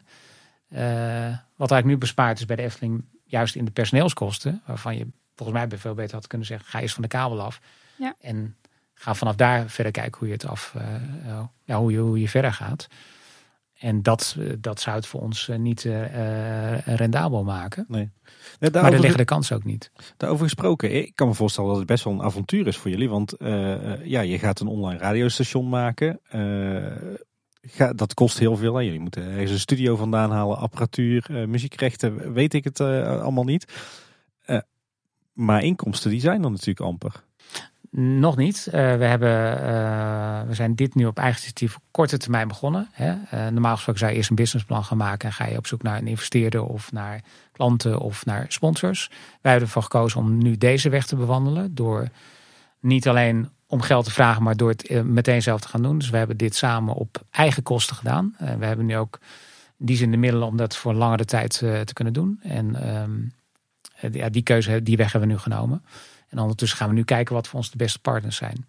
En dan lopen al gesprekken. En het voordeel is, omdat je eh, de kids-doelgroep hebt, eh, zijn er op heel veel andere eh, onderdelen ehm, ook gewoon business cases te maken. Dus denk inderdaad aan je kinderfeestjes, aan je workshops, aan uitleggen hoe alles werkt. Eh, ehm, ook een, stukje voor scholen, die kunnen ook een hele inter- interessante rol gaan zijn. Dus het is heel anders dan hoe ouderwets radio maken werkt eigenlijk. Want ouderwets radio maken is zorgen dat je luistercijfers hoog zijn, want dan willen adverteerders op je zender eh, komen adverteren. En dat is niet helemaal de weg die wij op die manier willen bewandelen. 1, 2, 3. Nee, ja, jullie willen meer die band met kinderen opbouwen. Of eigenlijk die je op hebt gebouwd bij Efteling Kids Radio. Die band wil je behouden. En daar wil je dan op voortborduren met allerlei verschillende soorten Ja, producten. dit, dit, dit gaat natuurlijk niet specifiek over eh, eh, luisteraars van de Efteling. Of daar, om, Nee. om, daar, om daar klanten werd. Daar, daar gaat het ons helemaal niet om. Er is gewoon een potentieel van, van heel veel gezinnen in Nederland. Van ouders met kinderen in de leeftijd van 4 tot 10. Die we kunnen bereiken. En ehm, wij geloven daarin. En dat is ook de reden dat we nu hebben gezet. Dit gaan we gewoon in eerste instantie op eigen eh, ehm, kosten gaan we dit financieren. Ja. En ik merk ook dat mensen dat dusdanig tof vinden. En dat ze daar ehm, respect voor hebben. Hebben we daar zekere uitkomst over? Nee, natuurlijk niet. Dat heb je bij niks, zeg maar. Als je, als je, maar als je niks probeert, dan kom je ook niet verder. En ehm, we hebben nu wel gemerkt door die plannen te lanceren, dat we door een heel goed netwerk te hebben, eh, heel veel mensen om ons heen hebben verzameld die ons eh, daar ook in hebben geholpen. Ja, ik kan me voorstellen dat, dat het, eh, zeg maar het netwerk van radio-dj's en mensen die betrokken zijn bij de radio, dat dat ook best wel een hecht netwerk is. Ja, Ja. ja. en mensen moeten je ook wat gunnen. En eh, dat heeft ons ook zeker geholpen. Maar dat zijn ook weer mensen die zien ons enthousiasme en onze. Maar ook het. Je kan enthousiast zijn, maar je moet ook echt, echt in geloven en weten dat er kansen liggen. Ehm, die daar ook in meegaan. En eh, die ons daar ook weer bij helpen. Ja, en het eh, verschil is ook nog, eh, de zender die we nu hebben heet Hallo Kids Radio. Dus er hangt nu geen merk aan vast, waardoor het voor mensen veel toegankelijker is. Want inderdaad, iemand die in Groningen woont, eh, die kan ons aanzetten, want die herkent alle liedjes ook. Dan eh, de persoon in Vlaanderen. In Vlaanderen kunnen we, zijn we ook gewoon te ontvangen, dus daar kunnen ook gewoon kinderen naar ons luisteren. Eh, en dat je niet meteen beperkt bent, dat mensen denken, oh ja, maar ze zijn daarvan, dus dan zal het wel zo en zo zijn. Dat is nu helemaal niet. Maar jullie draaien wel nog steeds volop eh, Efteling muziek. eh. Ah, een stuk minder hoor dan bij Efteling Kids Radio. Maar eh, ja, die liedjes zijn uitgebracht, dus die mag je gewoon draaien. Dus we hebben ervoor gekozen om bepaalde liedjes gewoon mee te draaien. Waarom? Omdat die gewoon voor kinderen heel relevant zijn en heel leuk. Dat is net als dat we nu uitgebreid Disney draaien. Ik bedoel, Kleine Zeemermin, dat is een film die is al hartstikke oud. Maar je wil niet weten hoe vaak eh, daar muziek van aan wordt gevraagd. Eh, over andere films net zo. Dus omdat je nu geen merk meer hebt waar je aan hangt, kun je veel breder gaan zitten. En dan maakt het niet meer uit. Ik bedoel, we kunnen nu ook gaan praten over dierentuinen. We kunnen, we, we kunnen, we kunnen alles eigenlijk, als ze maar als, netjes als, praten. als je maar geen podcast over de Efteling begint. Hè? Nee. Nee, nee. Nee, maar kijk, we doen dit ook uit. Natuurlijk, weet je, op het moment dat je dat doet met een. De Efteling is niet zomaar een merk in Nederland. Het is gewoon een. eh, hoe noem je, een, een triple A-merk. Wat, wat bijna een soort. Soort eh, wat bijna in de cultuur. eh, hè, op het moment dat je. Dat je het- het- hoe vaak hoor je niet het woord Efteling vallen in de media? Dat voelt niet eens als reclame. En natuurlijk, als je dat koppelt aan een radiozender, is dat natuurlijk een enorme meerwaarde die we nu niet hebben als nieuw merk. Hè. Dus in die zin hebben wij ook het besef dat we, dat we gewoon starten als een ja, nieuw onbekend merk. Ehm, waar wij wel heel veel geloof in hebben. Maar Joni, nooit gedacht, ik ga weer terug de bediening in bij het Wapen van Ravelijn. Nou, ik eh, moet zeggen, soms mis ik het wel, maar dan is het meer in het algemeen. Waarom? Ja, iedereen mist natuurlijk nu uh, naar uh, restaurants en, en, weet ik wat allemaal. Maar ehm, wat ik het meeste mis, niet specifiek van, van, van het restaurant, maar ook gewoon van radio in het algemeen, is gewoon weer gezellig met kinderen dansen en het entertainmentvlak en als, als uh, eh, DJ daar, uh, daar gewoon entertainment bieden. En natuurlijk ook op radio. Alleen ja, ik ben wel blij als straks de lockdown helemaal over is. Zodat we al die andere leuke dingen die daarbij horen ook gewoon kunnen doen. En wie weet, misschien ga ik nog wel praten over de Efteling. Wie weet uh, komt het Weetjesmuseum weer terug. Maar dan wel dan op een andere manier. Dat, dat, dat durf ik nou nog niet te zeggen. We hebben wel in ons businessplan staan, Paul, dat we meer vrouwen aan het woord willen bij Kleine Boodschap. Ja, dat is een goede uitzending. Ja, precies. dan maak ik de kindervariant. Ja, duidelijk. Hey, en Arnoud, over gesproken. Uh, jij deed natuurlijk bij de Efteling ook nog wat andere dingen. Hè? Jij, jij runde het Efteling Audio Center, heb ik uh, ooit eens ergens gelezen wat dat ook mogen zijn. En je was natuurlijk ook de vaste stem van de Efteling. Ja. Nog steeds? Ja, nog steeds, ja. ja. En van de Magische Klok. Want het, het, dat, dat is wel leuk om te vertellen trouwens, dat ik nu bijna 13 jaar uh, bij de Efteling Radio heb gemaakt. Maar uh, ik werd meestal herkend uh, door de serie De Magische Klok. we hebben wel eens gehad dat kinderen echt bij ons kwamen. En dan vonden ze het best wel cool dat ik bij de radio werkte. Maar dan begon ik te praten. En dan zei ze, ja, jij bent van de Magische Klok. dus dat is, dat is wel een... ja, dat is wel grappig om mee te maken. Ja. En gaande, dat waren natuurlijk ook dingen die, um, die we hebben gedaan. We hebben gaandeweg ook uh, zijn we audioproducties gaan maken. We hadden natuurlijk al de mensen die verstand hebben van het, van het monteren van audio. dus uh, je, je, levert geen geld op, uh, maar je kan wel geld besparen. Dat was eigenlijk de gedachte al. Dus dat hebben we gaandeweg ook toe, toegepast. Dat we ook Efteling commercials die bijvoorbeeld hè, op, op radio en tv ziet en hoort. Dat we die in huis konden produceren. Nou, daar bespaar je kun je ook goed geld eh, mee besparen. En ook het inspreken van stemmen is daar een onderdeel van. Uh, ja, als je de mensen in huis hebt, um, kun je alle minuten, als je een tekst nodig hebt, kun je dat laten doen. Voor de Magische Klok, voor andere series, voor het park. Dus zo is dat de gaandeweg ook ontstaan. Was het dan het Efteling Audio Center die dan onder andere die radiocommercials en zo? Ja. Uh, nee, maar, ah, oké. Ja. Nou, hoe moet het nou verder zonder Arnoud als de stem van de Efteling? Tot nu toe draai je nog mee, dus ik ben benieuwd wanneer dat gaat gebeuren. Ja, ja dus nu het park weer open was, uh, waren een hoop mensen die, uh, die mijn stem weer hoorden. Dus, uh, ja. ik, ik, liep van de week ook op de parkeerpromenade met mijn dochters. En toen kwam jouw tekst natuurlijk voorbij. Toen zei ik, kijk, dat is nou de meneer met wie papa van de week weer gaat opnemen. Ja, ja. Nou, het, was, het begon met, volgens mij was dat Aquanura en Ravelijn. Ravelijn. Later ook andere attracties. Maar het laatste jaar kennen heel veel mensen mij ook van de corona-boodschappen. Ja, Waarbij ik uh, afgelopen jaar nog wel eens had bij collega's van de entree dat ze mij aanspraken. Dat ze zeggen, nou heb ik je wel genoeg gehoord. Ja. Dus uh, Weer dat ze stem, geen, geen, gesprek meer met mij aangingen. Maar... Ja, maar je bent inmiddels ook overal te horen. Want ik weet nog dat wij een rondje gingen lopen door het park. En wanneer ze, ben je nou ook te horen bij de Pietron? Ja, je bent ook te horen bij de Pietron.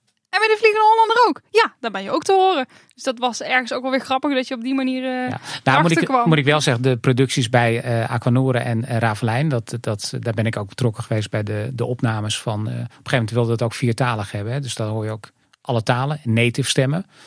Nou, dat is natuurlijk mooi dat dat in de attractie zit. Als je het over de coronaboodschappen hebt, dat werd natuurlijk een noodzakelijk kwaad op een gegeven moment. Dat je je gasten wel moet laten weten van dit zijn de, dit zijn de maatregelen. Um, dus ja, het is leuk dat mijn stem te horen is. Maar uh, nou, wij liepen bijvoorbeeld bij de Python. En uh, dat, het, het, doet enorm tekort aan de beleving die je eigenlijk wil hebben in de Efteling. Hè? Al los nog van alle schermen die je ziet. Maar dat je dan zo'n stem hoort schallen is natuurlijk eigenlijk helemaal niet leuk. En uh, laten we hopen dat dat zo snel mogelijk... dat die stem, of dat die in ieder geval weer zo snel mogelijk niet meer te horen is. Want dat zou betekenen dat het weer wat beter gaat. En dat die maatregelen wat verder losgelaten kunnen worden. Gaan we jullie nog wel eens terugzien in de Efteling als bezoeker? Zeker weten we, ja hoor. Misschien ooit wel weer als medewerker, dat kan ik nu nog niet zeggen, maar het zou me niks verbazen. Aangezien ik nog jong ben, dus dat uh, wie weet, uh, uh, hoor je mij of zie je mij straks weer ergens rondlopen, Arnoud, jij? Ja, tuurlijk. Ja, nee, maar daarvoor is de Efteling ook een. Dat, dat, ik, ik ben daar niet binnengekomen als als Efteling-fan. Uh, ik ben dan wel toen ik solliciteerde dat ik dacht dat ik goede indruk zou maken door te vertellen dat ik de Efteling helemaal fantastisch zou vinden. Waarvan ik later hoorde van nou, dat was op het, uh, dat was op het randje. maar ik kwam wel echt vanuit mijn radioachtergrond. Maar ik ben wel ontzettend van dat bedrijf gaan houden. En dat, dat ja, de- weet je, er kunnen dingen gebeuren die minder leuk zijn. Eh, ja, dat gebeurt nou in de volwassen wereld. Maar eh, eh, zo'n periode, dat doet wel wat met je. En dat kun je niet opeens zomaar afsluiten. En dat gevoel voor dat park en voor de beleving en waar de Efteling voor staat, dat, dat eh, onderschrijf ik nog steeds. En eh, natuurlijk kom ik daar nog heel graag. Jullie zitten in ieder geval in de buurt eh, momenteel. Ja, zeker. Ja, we kunnen zwaaien naar de overkant, dus dat is fijn. Schitterend, ja. Dan hebben we eigenlijk alle hoofdpunten die we wilden bespreken hebben we aangetipt. Maar we willen nog een paar uitsmijters erin gooien. Ja, dat doen we altijd bij onze gasten. Eh, we zijn heel erg benieuwd. Jullie mogen snel antwoorden. Wat is jullie favoriete plek in de Efteling? Ravelijn. Diorama. Nou, dan hebben we misschien ook meteen eh, de antwoorden op de volgende vraag. Want dat is wat is jullie favoriete attractie binnen de Efteling? Eh, ja, eh, Baron 1898 en Ravelijn. Maar dat is een beetje flauw. Ja, nou, mag wel, mag wel. Droomvlucht. Kijk, jullie mooiste moment in de Efteling de afgelopen jaren. Dat ik herkend werd bij het wapen van Ravelijn. Dat was echt top. Als DJ. Ja, ja, want ik heet Mayoni, dus dat is sowieso al een bepaald soort naam die nergens voorkomt. Maar wij, ik was aan het werk, gewoon eh, in het weekend, eh, eh, op terras. En ik heb zo'n naambadge op. En zo'n vader zegt op een gegeven moment... Hey, volgens mij is dat dezelfde naam. Die werkte toch ergens in het park? Nou, dat meisje op een gegeven moment... Ben jij DJ Mayoni? En toen dacht ik... Oh!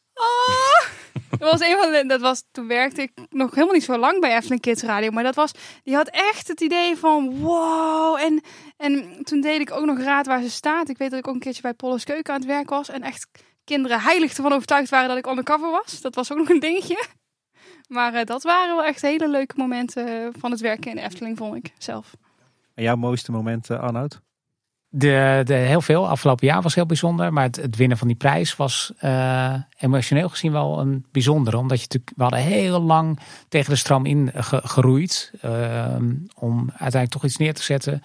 Waarvan mensen dachten in 2008, niet de Efteling zelf, maar de buitenwacht. Van dat gaat jullie nooit lukken. Toen ik eh, aankondigde dat, dat ik naar de Efteling ging en dat ik ook echt kinderradio ging maken. Eh, toen heb ik heel vaak gehoord van waar begin je aan? Gek geworden. Eh, daar is, geen, geen, daar is geen, geen vraag naar. Onderzoeken wezen ook uit van ja, niemand zit erop te wachten. Uiteindelijk hebben we gaandeweg in al die jaren natuurlijk wel eh, kunnen laten zien van hey, daar is wel degelijk een markt voor.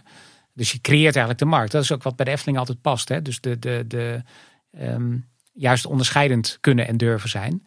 En dat je dan uiteindelijk zo'n prijs wint, dat was, eh, ja, dat was wel mooi. Niet zozeer voor mezelf alleen, maar ook voor, met z'n allen hebben we dat natuurlijk altijd gedaan. Hè? Ik heb het nu over mij en over Mayoni, maar dat hebben we echt met, met zo'n team gedaan. En natuurlijk met alle Efteling-collega's op de achtergrond. Ja, we vragen dan ook altijd naar het, het dieptepunt van je Efteling carrière. Maar ik denk dat dat wel redelijk duidelijk is welk moment dat, eh, dat, dat geweest moet zijn. Dus eh, dat moeten we misschien maar niet doen. Nou, nog een andere uitsmijter. Je favoriete pretpark buiten de Efteling? Nou, laten we het in dit geval park noemen. Want ik hoor net ook een dierentuinliefhebber aan tafel hebben.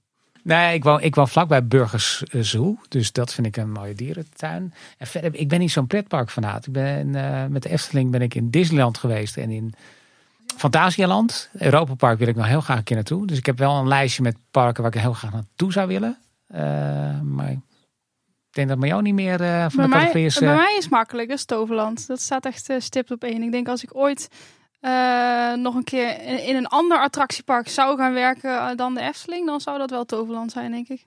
Ik hoor hier een Toverland radio aankomen. Oh jee, oh jee. Zoveel weet ik nog niet. Dat wordt nog geen uh, weetjesmuseum. Dat gaat het niet worden, denk ik. Hey, en een laatste vraag voor ons. Wat, wat zou jullie tip zijn voor ons als podcastmaker? Geef een... Ja, een eindtijd is niet helemaal waar. Maar als ik eh, als podcast eh, luisteraar... Ik heb ook in uh, Metro Nieuws ook verteld welke podcast ik leuk vind. Um, ik vind altijd heel fijn om te weten hoe lang een gemiddelde podcast duurt. En als bij jullie niet iedere keer het ongeveer hetzelfde is, is, is niet erg hoor. Want ik bedoel, als de informatie leuk is, uh, dan is het prima. Maar kijk of je hem dan bijvoorbeeld in, in twee kunt knippen. Dan, dan kun je mensen teasen naar van, hey, heb je de vorige keer geluisterd? Volgende week hoor je de tweede helft van het gesprek bijvoorbeeld. Ja, dat hebben we ook gedaan. We hebben binnenkort een interview van vijf uur opgesplitst in twee afleveringen. ja, bijvoorbeeld inderdaad. Dat, is, uh, ja, dat vind ik zelf als podcastluisteraar in ieder geval heel fijn. Dankjewel. Bij ons moet je er gewoon vanuit gaan dat het lang duurt. Maar het is een goede Ja. tip, ja. Ja, maar jullie zijn wel uh, leuk op ingespeeld. Dus Ja. kijk het even als radioduo. Kijk, we hebben natuurlijk afgelopen jaar hebben we, zijn we spontaan radio gaan maken. Nou, dat, dat klikte gewoon. Dus dat, ja, dat, dat ontstaat. Dat kun je niet van tevoren uittekenen. Uh, maar die, die klik hebben jullie ook wel. Uh. Zeker. Ja, wij hebben elkaar ook gewoon spontaan tegen het lijf gelopen. ja, precies. Nou, oké, heel goed. Nou, dan uh, willen we jullie bij deze van harte bedanken voor jullie tijd. En uh, voor het uh, ja, eigenlijk heel breed uit het doeken doen van het Efteling Kids Radio verhaal. En ook de toekomst die jullie nu tegemoet gaan met Hallo Kids Radio. Heel veel succes daarmee ook trouwens. Dankjewel. Wij gaan luisteren.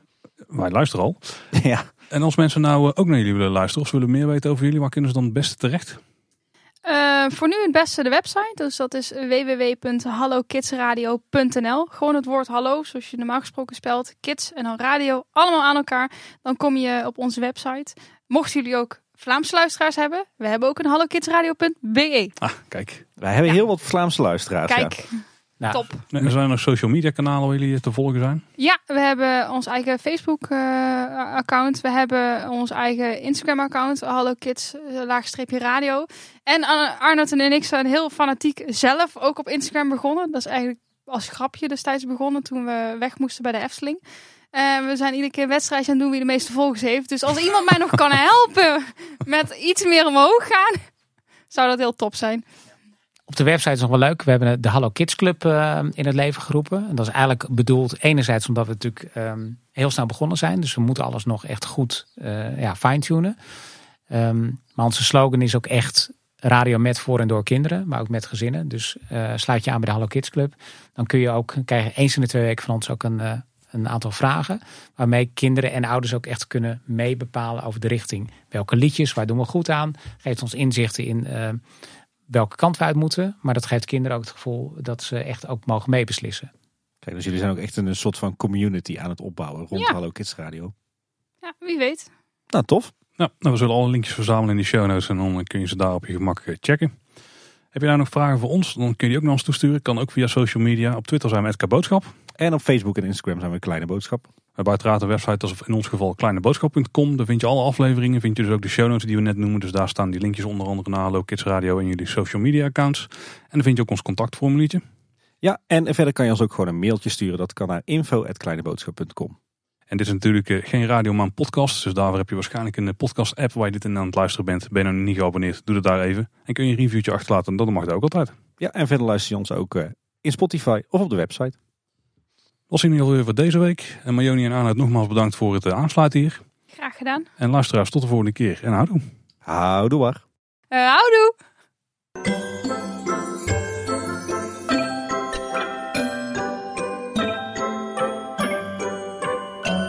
Welkom bij De Kleine Boodschap. De podcastserie waarin je alles hoort over de wereld van de Efteling. Die is koud. Het is hem echt. Ja, het is de echte.